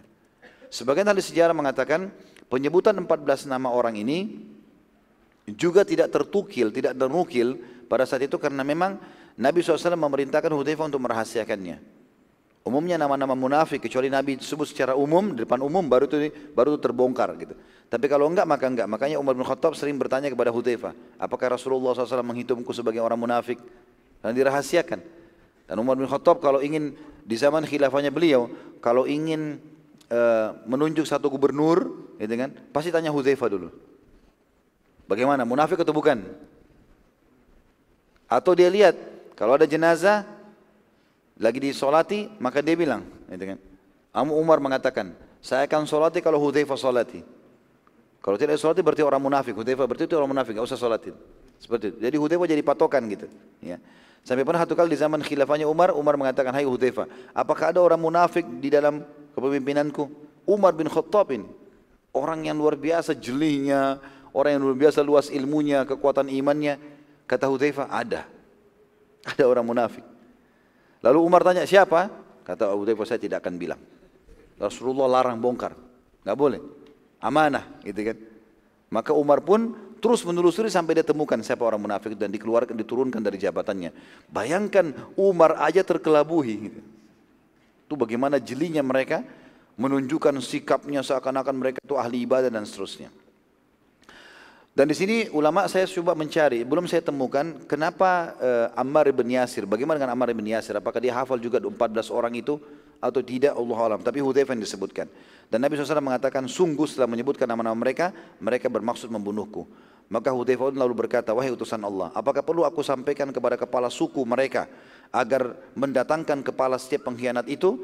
Maka Nabi SAW mengatakan jangan wahai Hudzaifah. Jangan sampai orang-orang berkata Muhammad membunuh sahabatnya. Dan ini sebuah poin penting teman-teman sekalian masalah bagaimana kita bermuamalah dan kaum munafikin. Karena mereka menggunakan nama-nama Islam. Gitu kan? Muhammad, Yusuf, nama-nama Islam. Gitu kan? Tapi Abdullah ya ini di zaman munafikin, ya, zaman Nabi SAW Abdullah bin Abi Salul dan Nabi SAW mengajarkan bukan dengan cara dipenggal lehernya, dibunuh, tapi ada banyak hal. Eh, mereka diketahui, di hati-hati perbuatannya. Kalau mereka sebarkan isu maka di counter isunya, gitu kan? Dan mereka sama sekali tidak dikasih jabatan. Bahkan Imam Madzhabi rahimahullah mengangkat sebuah hadis dalam kitab Al-Kabair beliau, kalau termasuk dosa besar menjadikan orang munafik sebagai pemimpin. Sudah jelas terlalu dijadikan sebagai pemimpin. Para sahabat setelah wafatnya Nabi SAW bila akan mensolati jenazah maka mereka menunggu Hudzaifah ada di tengah-tengah mereka. Bila Hudzaifah mensolati berarti mukmin dan bila tidak berarti orang munafik. Karena hanya Hudzaifah yang tahu siapa orang-orang munafik yang ditunjuk oleh Nabi SAW. Oleh karena itu Hudzaifah mendapatkan julukan dari para sahabat pemilik rahasia Nabi SAW. Kasus Aqabah ini Allah Allah yang Maha Sempurna menurunkan dalam firman-Nya surah At-Taubah surah nomor 9 ayat 73 sampai 74. A'udzu billahi minasyaitonir rajim. يا أيها النبي جاهد الكفار والمنافقين واغلظ عليهم ومأواهم جهنم وبئس المصير يحلفون بالله ما قالوا sebentar itu ayat 73 saya baca dulu terjemahannya sampai wabi'sal masir hai nabi berjihadlah melawan orang-orang kafir dan orang-orang munafik itu dan bersikap tegaslah kepada mereka. Tempat mereka adalah neraka jahanam dan ini adalah tempat kembali yang paling buruk.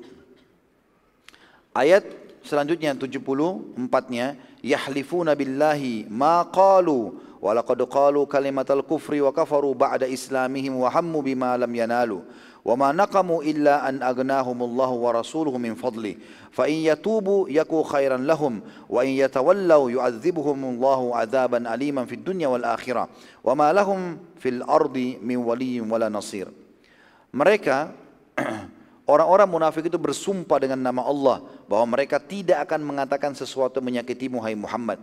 Sesungguhnya mereka telah mengucapkan perkataan kekafiran. Maksudnya tadi waktu mereka bilang, ya, tidak ada kesempatan untuk yang lebih baik untuk membunuh kecuali pada saat ini. Sesungguhnya mereka telah mengucapkan perkataan kekafiran dan telah menjadi kafir sudah Islam dan dan mengingini mengingini apa yang mereka tidak dapat mencapainya. Maksudnya adalah membunuh Nabi Shallallahu Alaihi Wasallam. Dan mereka tidak mencela Allah dan Rasulnya kecuali karena Allah dan Rasulnya telah melimpahkan karunia-Nya kepada mereka. Mereka dikasih rezeki, dikasih nikmat, kesempatan hidup dengan Nabi SAW, justru mereka kufur. Maka jika mereka bertaubat, Allah masih kasih kesempatan. Itu lebih baik bagi mereka. Dan jika mereka berpaling, tetap aja dalam kemunafikannya, niscaya Allah akan mengadab mereka dengan adab yang pedih di dunia dan juga di akhirat. Dan mereka sekali-kali tidaklah mempunyai pelindung dan tidak pula penolong di muka bumi. Kasus yang lain teman-teman sekalian adalah penghancuran masjid di Ror. Ini terjadi dalam prosesi pulangnya Nabi SAW ke Madinah. Pasukan muslimin pada saat mendekati kota Madinah ya. Sebentar dulu ada saya perbaikin sedikit. Pada saat pasukan muslimin mendekati kota Madinah, Nabi SAW mengutus dua orang sahabat. Ya. Dan perintah ini belum pernah sama sekali Nabi SAW sampaikan kepada sahabat yang lain. Yaitu membakar masjid. Ya. Dan sahabat yang dikirim ada dua orang namanya Malik bin Dush'um dan Ma'an bin Adi. Malik bin Dush'um dan Ma'an bin Adi. Radhiyallahu Jumain. Untuk datang ke Madinah sebelum pasukan tiba dan membakar sebuah masjid yang dibangun oleh kaum munafikin di Madinah. Jumlah orang-orang munafik di Madinah kata ahli sejarah sangat banyak, cukup banyak dan mereka sudah bermusyawarah dalam hal mengatur strategi untuk memerangi Nabi SAW dan muslimin. Pemimpin mereka yang bernama Abdullah bin Abi Salul dan Abu Amir Al-Fasiq. Ya. Kalau Abdullah bin Abi Salul antum sudah tahu dari suku Khazraj dan dia orang-orang munafik. Masyur sekali kisahnya, termasuk waktu dia meninggal Nabi SAW dilarang untuk mensolatinya. Dan satu Madinah tahu siapa dia. Dia penyebar gosip juga zinanya, bohong uh, berita bohong zina Aisyah dengan Safwan ya, radhiyallahu anhu Kalau Abu Amir Al-Fasik ini adalah pimpinan Madinah sebelum Nabi SAW hijrah ke Madinah.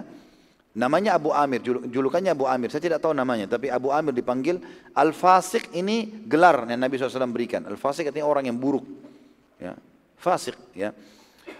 Dia adalah orang yang dulu mau mencalonkan diri menjadi pemimpin Madinah. Tapi setelah uh, Nabi SAW hijrah ke Madinah, malah masyarakatnya Madinah memilih Nabi SAW. Gara-gara itu dia pergi ke negeri Syam. Abu Amir ini mengatur strategi dengan Abdullah bin Abi Salul untuk selalu mencari kelemahan muslimin. Termasuk kalau antum masih ingat kita review perang perang Uhud. Waktu terjadi perang Uhud, itu Abu Amir ini pulang dari negeri Syam ke Madinah, lalu dia membuat lubang-lubang di tempat pasukan muslimin. Ya, dan Nabi SAW sempat jatuh ke lubang itu, itu dibuat oleh Abu Amir al-Fasiqin. Dia sepakat dengan Abdullah bin Abi Salul untuk membangun masjid. Ya. Lalu dia berkata kepada Abdullah, bangunlah masjid itu dan aku akan datang berpura-pura menjadi muslim. Lalu dari sana kita mengatur penghancuran muslimin. Jadi nyata sekali mereka ingin memerangi muslimin. Masjid ini berhasil mereka bangun sebelum pasukan muslimin meninggalkan Madinah ke Tabuk. Bahkan sempat mereka meminta Nabi SAW untuk sholat di dalamnya. Tetapi dengan hikmah Allah, Nabi SAW waktu itu sibuk dan menjawab, kalau sekarang aku sibuk dengan perang tabuk, bila balik nanti kita lihat saja perintahnya Allah. Jadi Nabi SAW juga waktu itu belum mendapat perintah untuk merusak masjid tersebut. Pada saat balik dari perang tabuk, Nabi SAW mendapat perintah dari Allah secara langsung untuk bukan sholat di masjid tersebut tapi membakarnya. Ya. Dan itu Allah ceritakan dalam Al-Quran, dalam surah Al-Taubah, surah nomor 9 ayat 107 sampai 110 tentang pembakar, perintah pembakaran masjid Dirar. Masjid yang dibangun oleh kaum munafikin dengan tujuan memerangi kaum muslimin.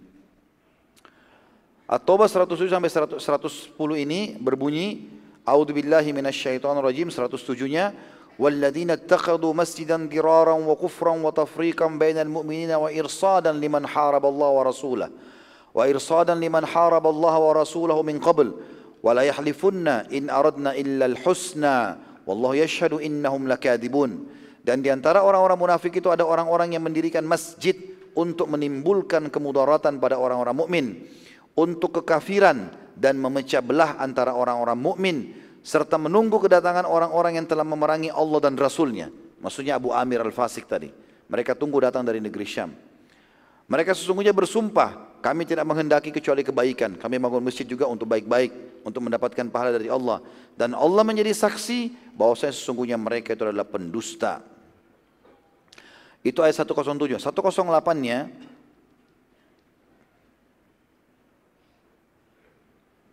Maaf, Iya betul ya, 107 108 ya.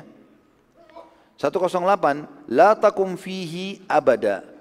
La masjidun usisa ala taqwa min awwal yawmin ahaqqu an taquma fi fihi rijalan yuhibbuna an yatatahharu wallahu yuhibbul mutahhirin. Janganlah kamu sholat dalam masjid itu selama-lamanya hai Muhammad. Sesungguhnya masjid yang didirikan di atas dasar takwa. Maksudnya karena Allah SWT, Masjid Kuba yang dimaksud sini Sejak hari pertama kamu hijrah ke Madinah adalah lebih patut kamu sholat di dalamnya. Ya, sebagian ulama mengatakan karena Masjid Dirar dekat dengan Masjid Kuba. Di dalamnya masjid itu ada orang-orang yang ingin membersihkan diri, suka membersihkan diri. Dan sungguhnya Allah menyukai orang-orang yang bersih. Ini maksudnya adalah pujian bagi penduduk sekitar Kuba karena mereka e, kalau ber, mereka bersuci, mereka menggabungkan, menggabungkan antara istinja dengan istijmar. Mereka cebok dengan air, mereka juga menggunakan batu. Maka Allah menyebutkan di situ sekitarnya ada orang-orang yang suka bersih dan Allah suka dengan orang-orang yang bersih. 109-nya afaman assasa bunyanahu ala taqwa minallahi wa ridwanin khairun khairun amman assasa bunyanahu ala syafa jurfin harin fanhara bihi fi nari jahannam wallahu la yahdil qaumadh zalimin. Maka apakah orang-orang yang mendirikan masjidnya di atas dasar takwa kepada Allah dan keridoannya itu baik?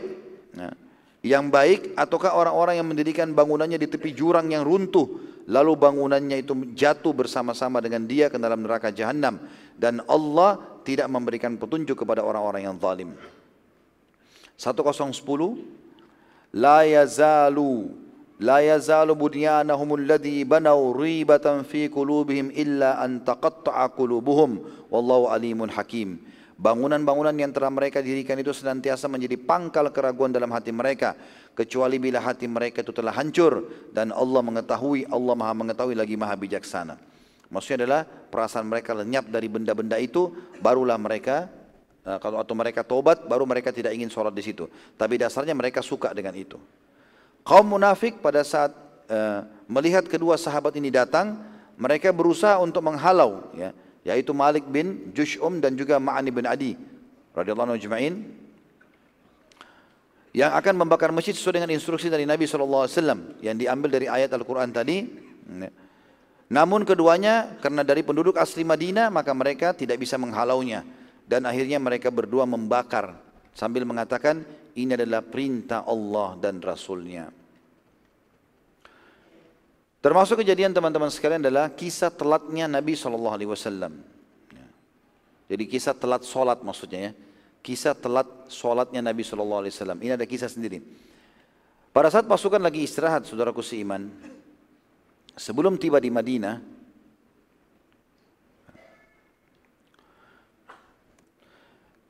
maka para sahabat menunggu Nabi SAW. Jadi nginap di situ. Pada saat sholat subuh, maka para sahabat menunggu Nabi SAW seperti biasa. Mereka tidak sholat sampai Nabi SAW mengimani mereka. Tapi mereka menunggu sampai matahari mau terbit.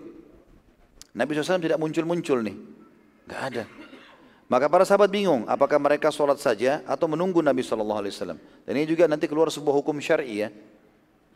Iqamah itu, uh, Azan itu milik muazzin, artinya dia yang azan di waktunya. Tapi iqamah adalah milik imam.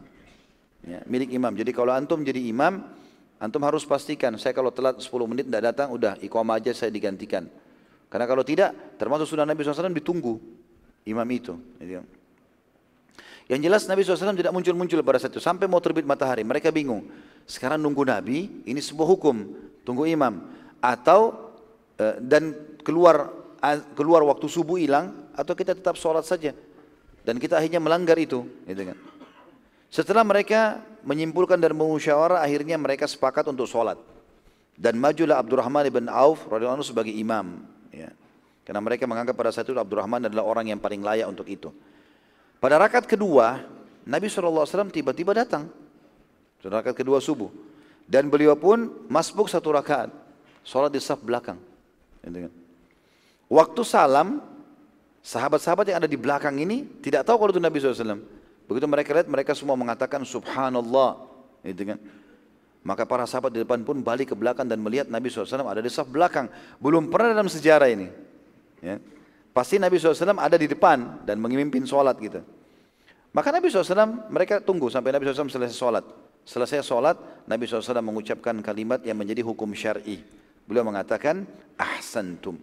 Bagus yang kalian lakukan ini, sudah benar. Ya, dan ini menjadi sebuah hukum syar'i. Kalau sudah mau keluar waktu, udah lewat, harus sholat. Walaupun imamnya nggak datang, gitu kan? Karena bisa saja imamnya meninggal, sakit, ada uzur, maka walaupun iqamah itu di tangan dia, itu saja kalau sudah mau keluar waktu, maka sholat itu. Juga ada hadis Nabi SAW sedikit saya tambahkan dalam tulisan saya ini. Ada hadis Nabi SAW yang berbunyi, tidak akan terjadi kiamat sampai salah seorang dari kalian mengimami Nabi kalian. Dan ini sudah terjadi, yang berarti masa kematian Nabi SAW sudah dekat. Ini termasuk terjadi pada saat itu. Nabi SAW juga bersabda, ketahuilah di Madinah terdapat, jadi sudah selesai tadi masalah kasus itu ya. Sekarang Nabi SAW selesai salam, lalu mengatakan pada para sahabat, bagus yang kalian lakukan, lalu beliau berdiri dan beliau berceramah. Beliau mengatakan, ketahuilah, di Madinah terdapat beberapa orang yang tidak ada langkah, juga lembah yang kalian lalui, kecuali akan mendapatkan pahala yang sama dengan kalian karena mereka tertahan oleh uzur. Karena mereka tertahan oleh uzur. Para sahabat bertanya, wahai utusan Allah, mereka di Madinah, tapi mereka mendapatkan seperti pahala kami. Kata Nabi SAW, iya, karena mereka tertahan oleh uzur. Ya, mereka tertahan oleh uzur. Berapa menit lagi azannya? Masih 15 menit. Baik. Lanjutan materi nggak usah bertanya ya. Setuju nggak? Cuma tiga orang yang setuju. Baiklah, kita sekarang masuk lagi kisah beberapa sahabat yang tidak ikut perang tabuk. Ini kisah, kisah cukup panjang ya. Tapi kita coba insya Allah sampaikan. Kalau tidak selesai, kita akan lanjutkan nanti maghrib biinillah.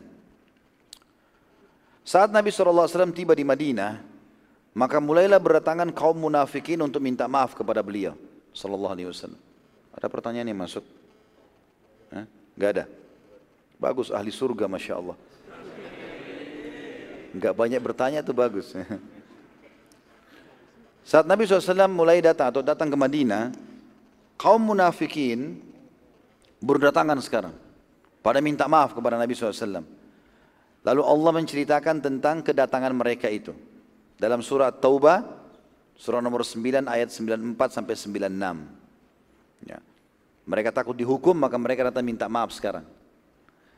Ayat 94-nya bunyinya A'udzubillahi minasyaitonirrajim ya'taziruna ilaikum idza raja'tum ilaihim Qul la ta'tadiru lan nu'mina lakum qad nabba'ana Allahu min akhbarikum sayarallahu amalakum wa rasuluhu thumma turadduna ila alimil ghaibi wasyahada ثم تردون إلى عالم الغيب والشهادة فينبئكم بما كنتم تعملون Mereka orang-orang munafik itu mengemukakan uzurnya kepada Muhammad Muhammad.